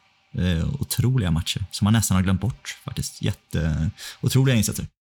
Ja, bägge de två är eh, helt med. Det är de bästa vi gjort sen Sir Alex tackade för sig och eh, jag kan slänga in min samtidigt. Jag hade säsongens eh, comeback och eh, det är ju Barcelona hemma för mig. Det är eh, av den anledningen du nämner också. Alltså, Lewandowski gör målet som tar eh, Barcelona där och då vidare. De leder på Trafford. Ångvälten Barcelona som pulveriserade allt motstånd i La liga där och då och inte fan släppte in ett mål. Liksom. Och ändå så spelar United så jävla bra och vänder den matchen via Fred och eh, Anthony. Det är ingen så här 0-3 till 4-3-vändning, men comebacken i sig på det sättet eh, är eh, fan i med säsongens comeback enligt mig. Nej, exakt. Otrolig. Ja, Micke, din tur. Riva av din första årets. Ja, nej, men nu tycker jag, nu har vi varit förutsägbara så nu är det dags att bli lite mindre förutsägbara tänker jag. Och då har vi ju givetvis eh, årets Televinken. Sa du Televinken? Televinken, ja. Televin- kanske bäst att redogöra för lyssnarna först och främst. Vem är det här? Vad har vi på Televinken egentligen? Är, är det... Är Aldrig den hört här- talas om. Är, det, är det Anita och Televinken, den här gamla te- TV, TV-grejen eller? Det är så otroligt påläst kulle som vanligt. Eh, Det stämmer. Ja. Televinken då, som vi ändå... Vi blandat in Anita så mycket, men han var ju alltså en marionettdocka som framträdde i program skapade av just Anita Lindman som du är inne på och Ola Lundberg, studiomannen, var med på ett hörn. Föddes 1964 och eh, den här duon, ett trion får vi ändå säga att det handlar om då. Är som en höll motståndarkollen med mig. Alltså, det här är så jävla bra. Alltså. Nu bara sitter jag och myser. Det är så underbart. Kör på. Och hur var höll vädret? på fram till, till 1995 levde fan Televinken och numera står han på Naturhistoriska. Nej, jag vet fan var han befinner sig nu, men ehm, eh, efter att först ha varit lite så här Pravda-TV och eh, pytsat ut så här ska man göra i trafiken, så här ska man gå på övergångsställen och liknande. Till eh, det hela kulminerade med ett sex och samlevnadsprogram med Mark Levengood 92. och där någonstans fick cheferna på Public Service nog och eh, dammade, så att säga, slängde tillbaka han i dammet igen. Ja, nej, men vad fan, eh, vad handlar det Vad här om då? ska du med allt detta? Var det färdigt där eller? Hur som helst, inga övriga jämförelser, men vad var det vi egentligen vi såg från vår superbrasse Casemiro mot slutet av straffläggningen mot Brighton där i fa Cup-semin? Alltså det, det var ju någonting som påminde om Televinken han ställde sig och dansade, eller i alla fall såg ut som Casemiro inte styrde sina egna rörelser, för de var så jäkla asymmetriska så jag har aldrig sett något liknande. Men ungefär som en marionettdocka. Kanske var det Anita som var där och drog lite i trådarna. Men, men syftet var väl att få igång de Gea och det lyckades han med. Han skrämde ju Solly March som eh, sköt en klassisk satellit och resten är historia. Ja, vilken jävla spaning alltså. Ja, det är starkt. Ja. Ja, det var Årets. Televinken. Ja, jag, jag satt liksom, jag fastnade här när du sa att Televinken satt, att de hade, han var på Naturhistoriska museet nu, att han kunde finnas där. Och fick jag liksom en bild i huvudet att de också har stoppat upp Anita Lindman och att hon är på Naturhistoriska museet. Och det är så makabert, tycker jag. Att den, så kunde jag liksom inte koncentrera mig mer efter det. Så nu känner jag, om Anita, om du är där ute och mår bra, kan du inte höra av dig till podden? För jag känner att jag blev orolig när jag, när jag tänkte på det. Det är en bild jag inte vill ha. Hoppas allt är bra med dig, Anita.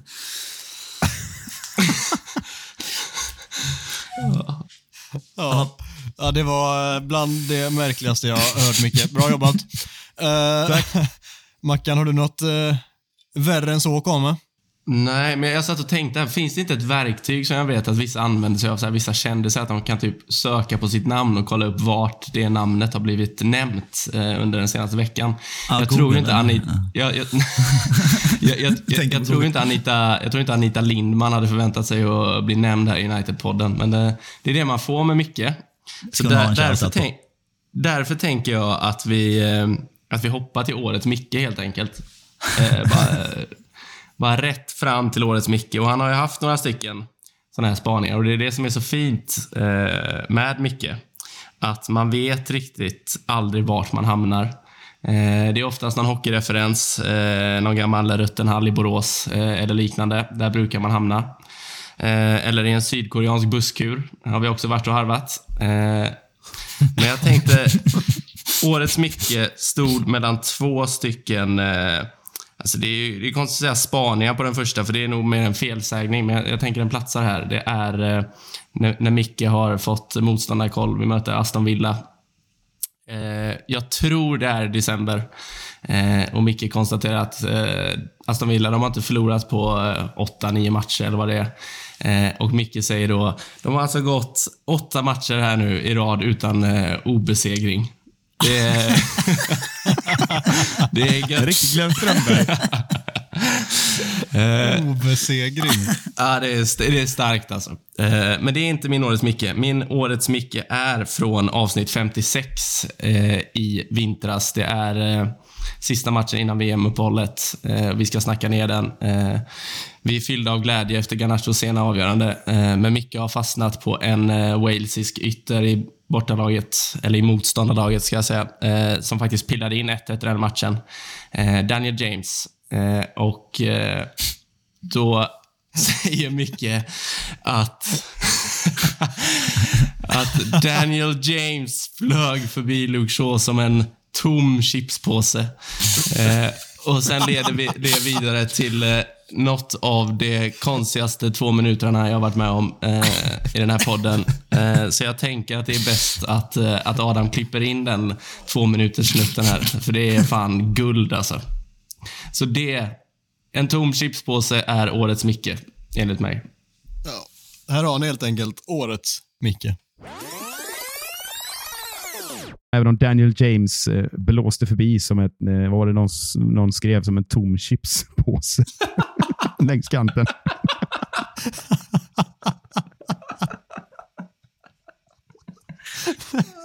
Han har lika mycket boll i sig som en tom chipspåse också, Daniel James.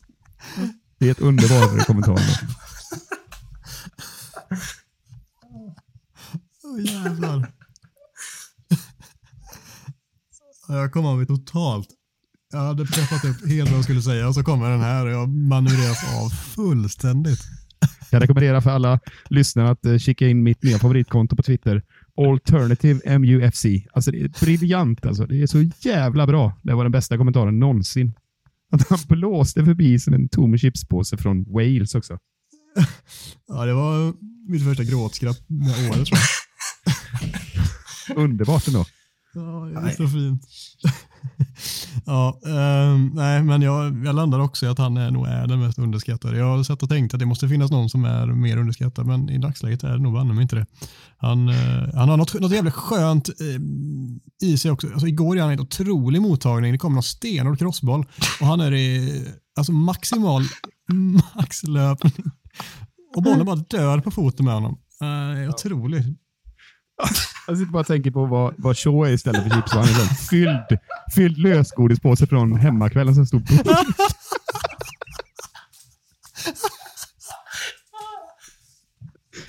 kilo lösgodis.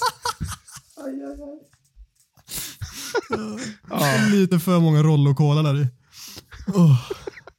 Väger satan med det blir jävligt dyrt. Oh, shit. Ni- Det här, är, det här är underhållning på hög, hög nivå alltså. Ja. Jag har gråtit så mycket alltså. Eh, Oj, oj, Tom chips på. Det är det Ja. sjukaste jag hört.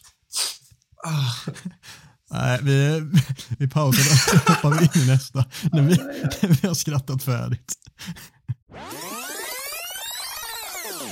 Ja, det är fan med. Briljant Micke. Vi går vidare till eh, nästa då det är Gustav som har en ny spaning, skulle jag säga. Det är inte en spaning, men en eh, året som du ska lämna ut. Det har jag. Jag har en år. Min nästa jag fick var Årets pudel. Eh, och här finns det lite att välja på. Det är ju så att faktafelen har ju haglat in här under säsongen. Det kan vi konstatera, även från mig själv. Vi har en Johnny Ekström som har blandats ihop med en Johnny Rödlund. Vi har fotbollsarenor i Clayton i Manchester som har blandats ihop med Clapton i London. Ehm, men jag känner ändå att det ändå på något sätt är rimligare att peka med hela handen på någon annan än mig själv. Och jag tänker förstås då också på dig, Micke. Det här har ju inte varit någon vidare säsong. Det här är inte Micke, det har det inte. Eh, genomgående svag panelmedlem, får man ändå säga. Eh, förvånansvärt stark som programledare ändå. Eh, med det sagt känner jag det är många dumma grejer eh, du säger. Eh, men, men, men ditt absoluta lågvattenmärke för mig, det är ändå när du verkte fram att det skulle bli spännande att se Scott McTominays reaktion och agerande när han skulle möta Newcastle på bortaplan. Det här då efter att det hade varit ett fåtal rykten eh, att han kanske kunde vara aktuell för Newcastle i sommar. Eh, så här tänkte du att han skulle vara lite ambivalent i sin klubbtillhörighet, ha liksom eventuellt inte fira om det blev något mål på grund av respekt till sina nya supportrar. Så det här tycker jag att du ska få chansen nu Micke att göra årets pudel på en sån otrolig jävla tankevurpa. Varsågod Micke, take it away. Nej, men jag tänker att eh, jag, har, jag har redan spaningen i glasglas. McTominay går till Newcastle nu, det vet ju alla. Det blir så. Ja, Jag, jag tänker inte pudla. nej svagt. Då blir det inte årets pudel då. Men det, ja, så blir det. Årets pudel går till dig, eh, Micke. Svag. Ja, det är så jävla sjukt sagt Micke alltså. Det är så jävla sjukt sagt. Ja. Ja. Ja. Ja, jag kör vidare med eh, årets eh, mål och jag kommer hålla det väldigt kort där.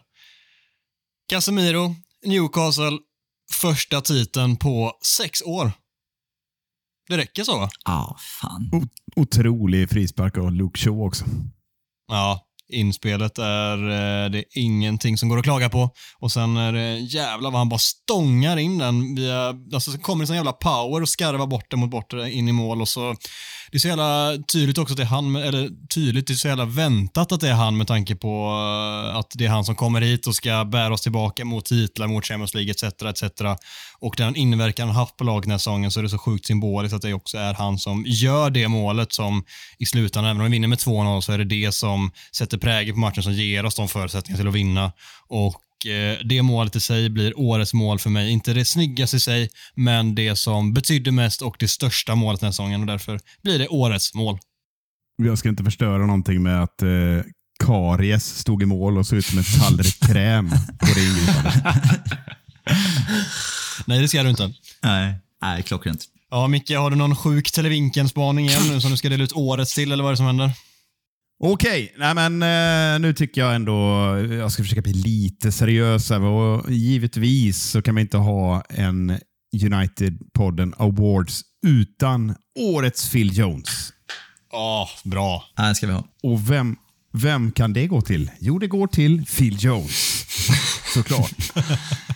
ja, men alltså, utan att ha spelat en enda minut lyckas han trots det beröra, åtminstone mig i alla fall. Eh, att se honom med, med glädje och tacksamhet i rösten stolt berätta om sin tid i United gav mig faktiskt ja, nästan en tår i ögat. Eh, det var inte långt borta i alla fall. Och Hans avskedsbrev därtill och bilder på när han står och blickar upp mot Old Traffords läktare. Det, ja, det, det kändes fan lite grann hos mig. Och en karriär som kunde ha blivit så mycket bättre och annorlunda än vad den, vad den blev. I och med att hans kropp var så pass trasig och tydligen inte klarade av att spela på den här nivån så um, känner jag att jag kommer ta med mig hans kompromisslösa spelstil och den glöd som alltid fanns i ögonen som vi såg där på den berömda comebacken mot Wolverhampton. Han står och hoppar upp och, uh, vid line-upen och hans lagkamrater står och tittar ner i gräset och vill bara försvinna därifrån. Det vill inte Phil Jones och det kommer jag ta med mig. Den där glöden. En äkta United-spelare är han, trots alla hån och glåpord. Årets Phil Jones. Är Phil Jones?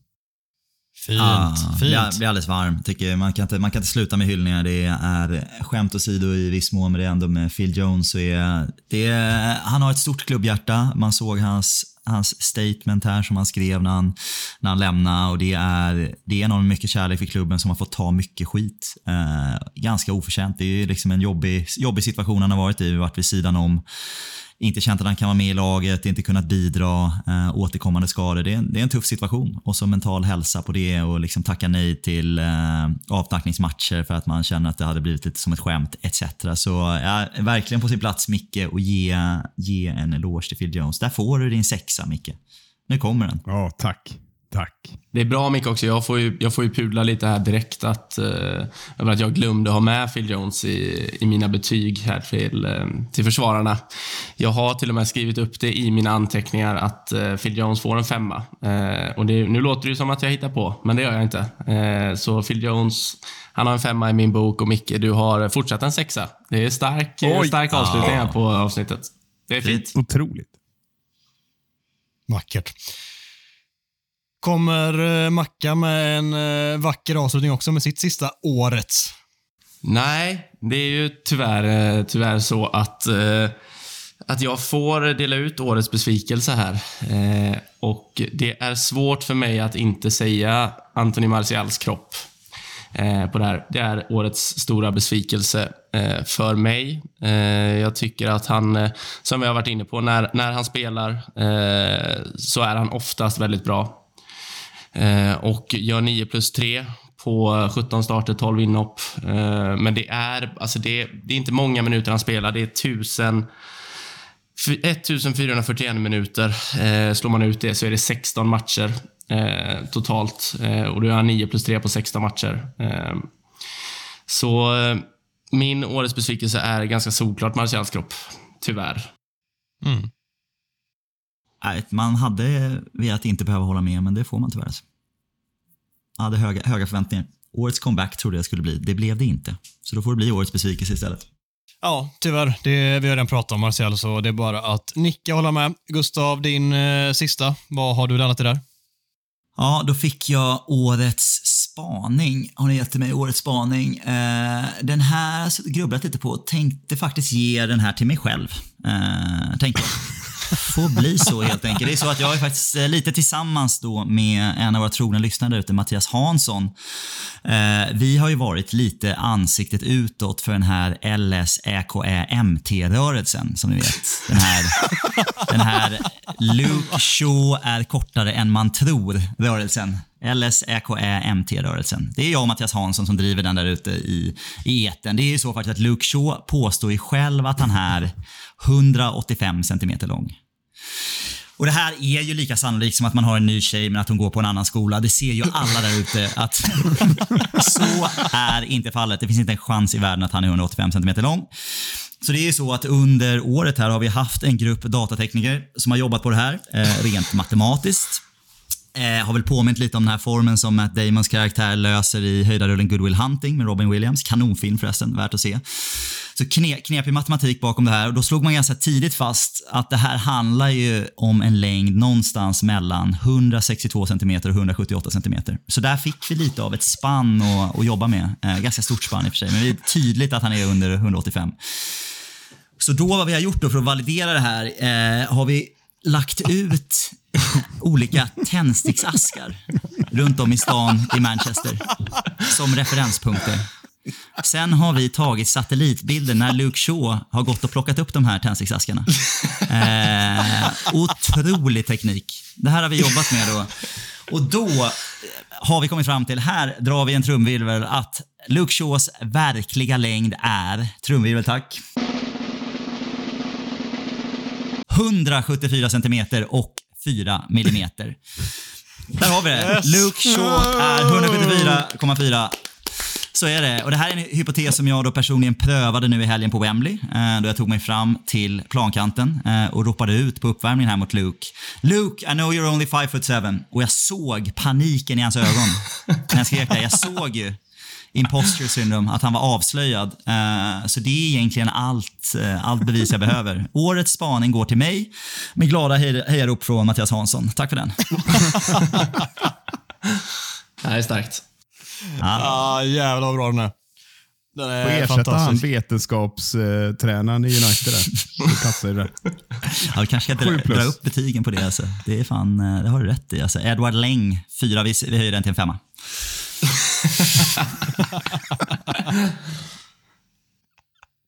Nej, det är fan med briljant Gustav.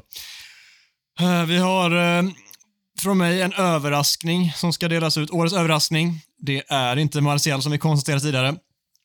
Många hade räknat ut honom. Han kändes dödsdömd till att lämna i januari. Sen kom han in i laget ett VM och är så självklar i sitt spel så nog ingen med handen på hjärtat kan säga att man trodde att han skulle få ut United efter hösten och förra säsongen i ryggen. Årets överraskning går självklart till Aaron Wan-Bissaka. Mm. Ja, Nej, klockrent. det ska han fan ha. Så han har sågats i den här podden. Jag tänkte säga det. Ja, jag vet inte vem du syftar på Micke, Ja. men det är, Nej. det är någon som inte är med idag tror jag, som har sågat Aaron hejvilt här. det Ja, är inte det. jag. Årets pudel går till, till honom då, kanske. kan, skick, kan skicka in den, kan klippa in den här. Ja, så det. Ja, ja, nästan så vi ska be Fabian Hjelkom kommer göra det, för kastar vi honom under bussen som han sågade honom i ett avsnitt eh, förra säsongen och som han får äta upp det nu.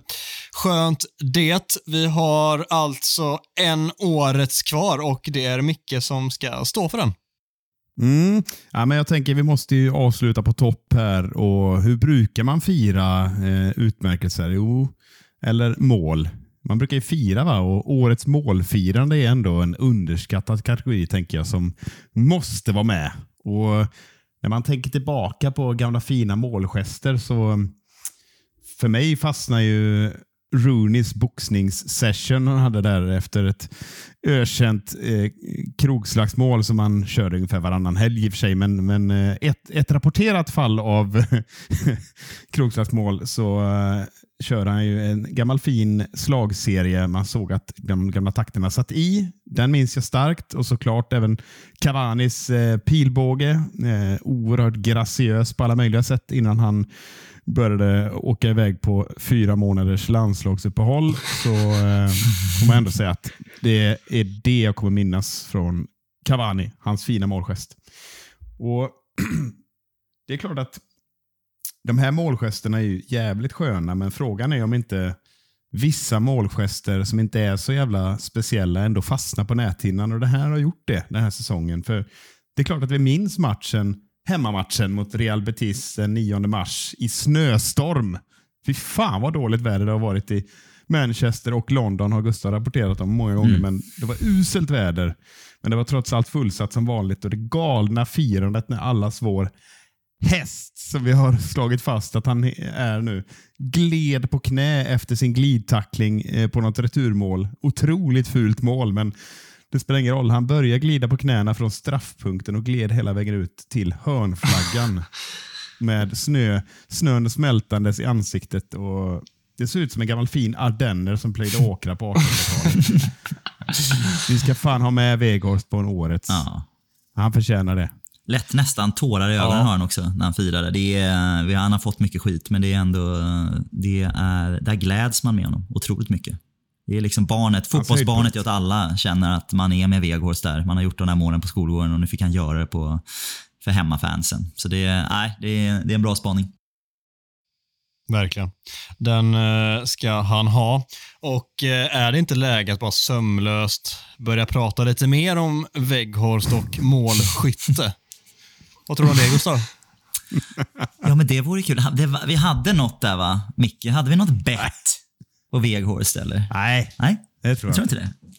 Hjälp mig att komma ihåg, men visst, eh, vad var det grabbar? Hur många skulle han göra? Det var, det var fortfarande typ 15 matcher kvar tror jag han skulle spela han hade Ja. väl inte gjort sitt första Premier League-mål då heller. Och så sa vi att han skulle göra, vad sa vi Adam?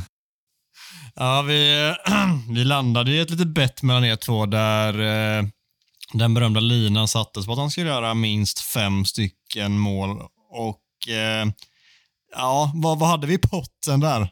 Ja, Micke, Micke, kommer du ihåg vad vi hade i potten där? Det gör han. Jag är helt glömt. Ja. Jag har lite problem med magen nu känner jag, så jag ska bara ta ett break här. Ja, ni ser inte alla här, men nu står Micke med en triangel i handen där och han har hämtat dasspapper också. Jag ska förklara varför. Han, han, har, han har båda de grejerna som han har preppat upp med här. Det är ju, det är ju så att vi gjorde ett litet, eh, litet, litet experiment, jag och Edward Lang här, eh, vår scientific ansvariga. Att, eh, eh hur, hur kan man vetenskapsmässigt eh, liksom, eh, ta, ta kontroll över en annan människas ändtarm?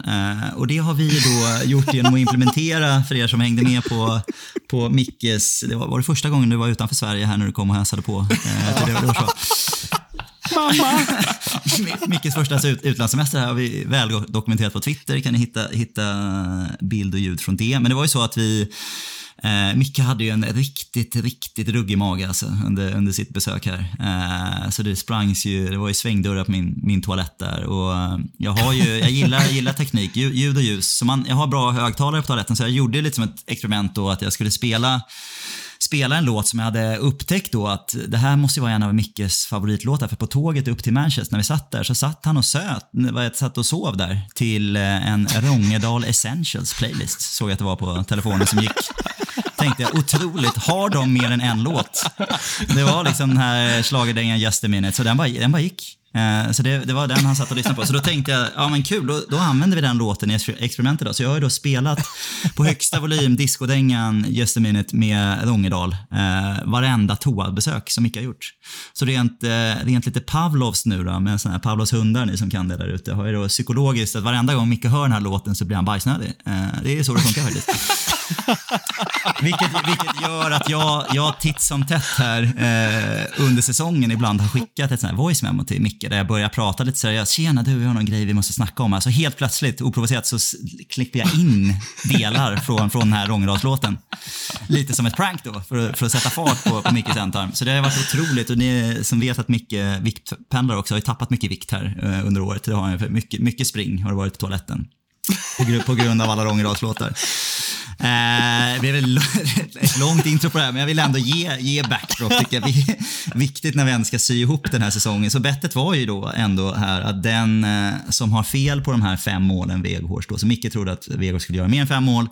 Jag att det skulle göras mindre än fem mål. Det blev inte ett enda mål eh, faktiskt. Eh, skulle sjunga en vers och refräng av Bröder Rångedals hit Just a minute.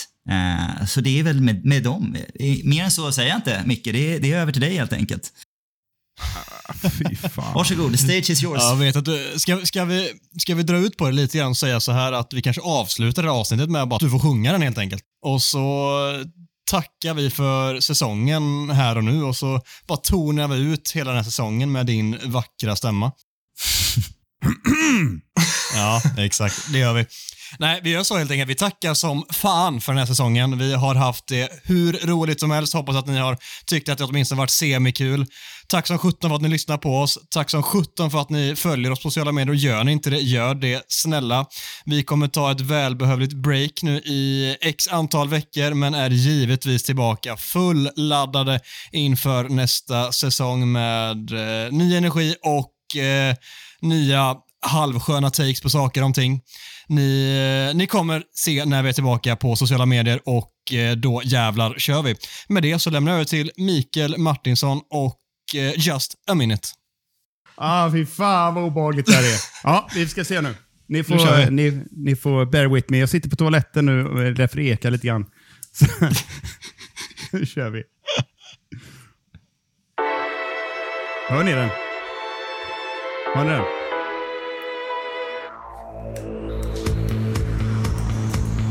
Didn't know, didn't mind living day by day.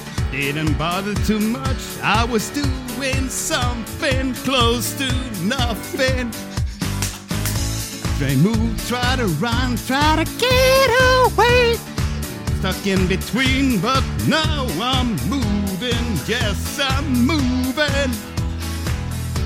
After all the things that I missed, that I can't resist.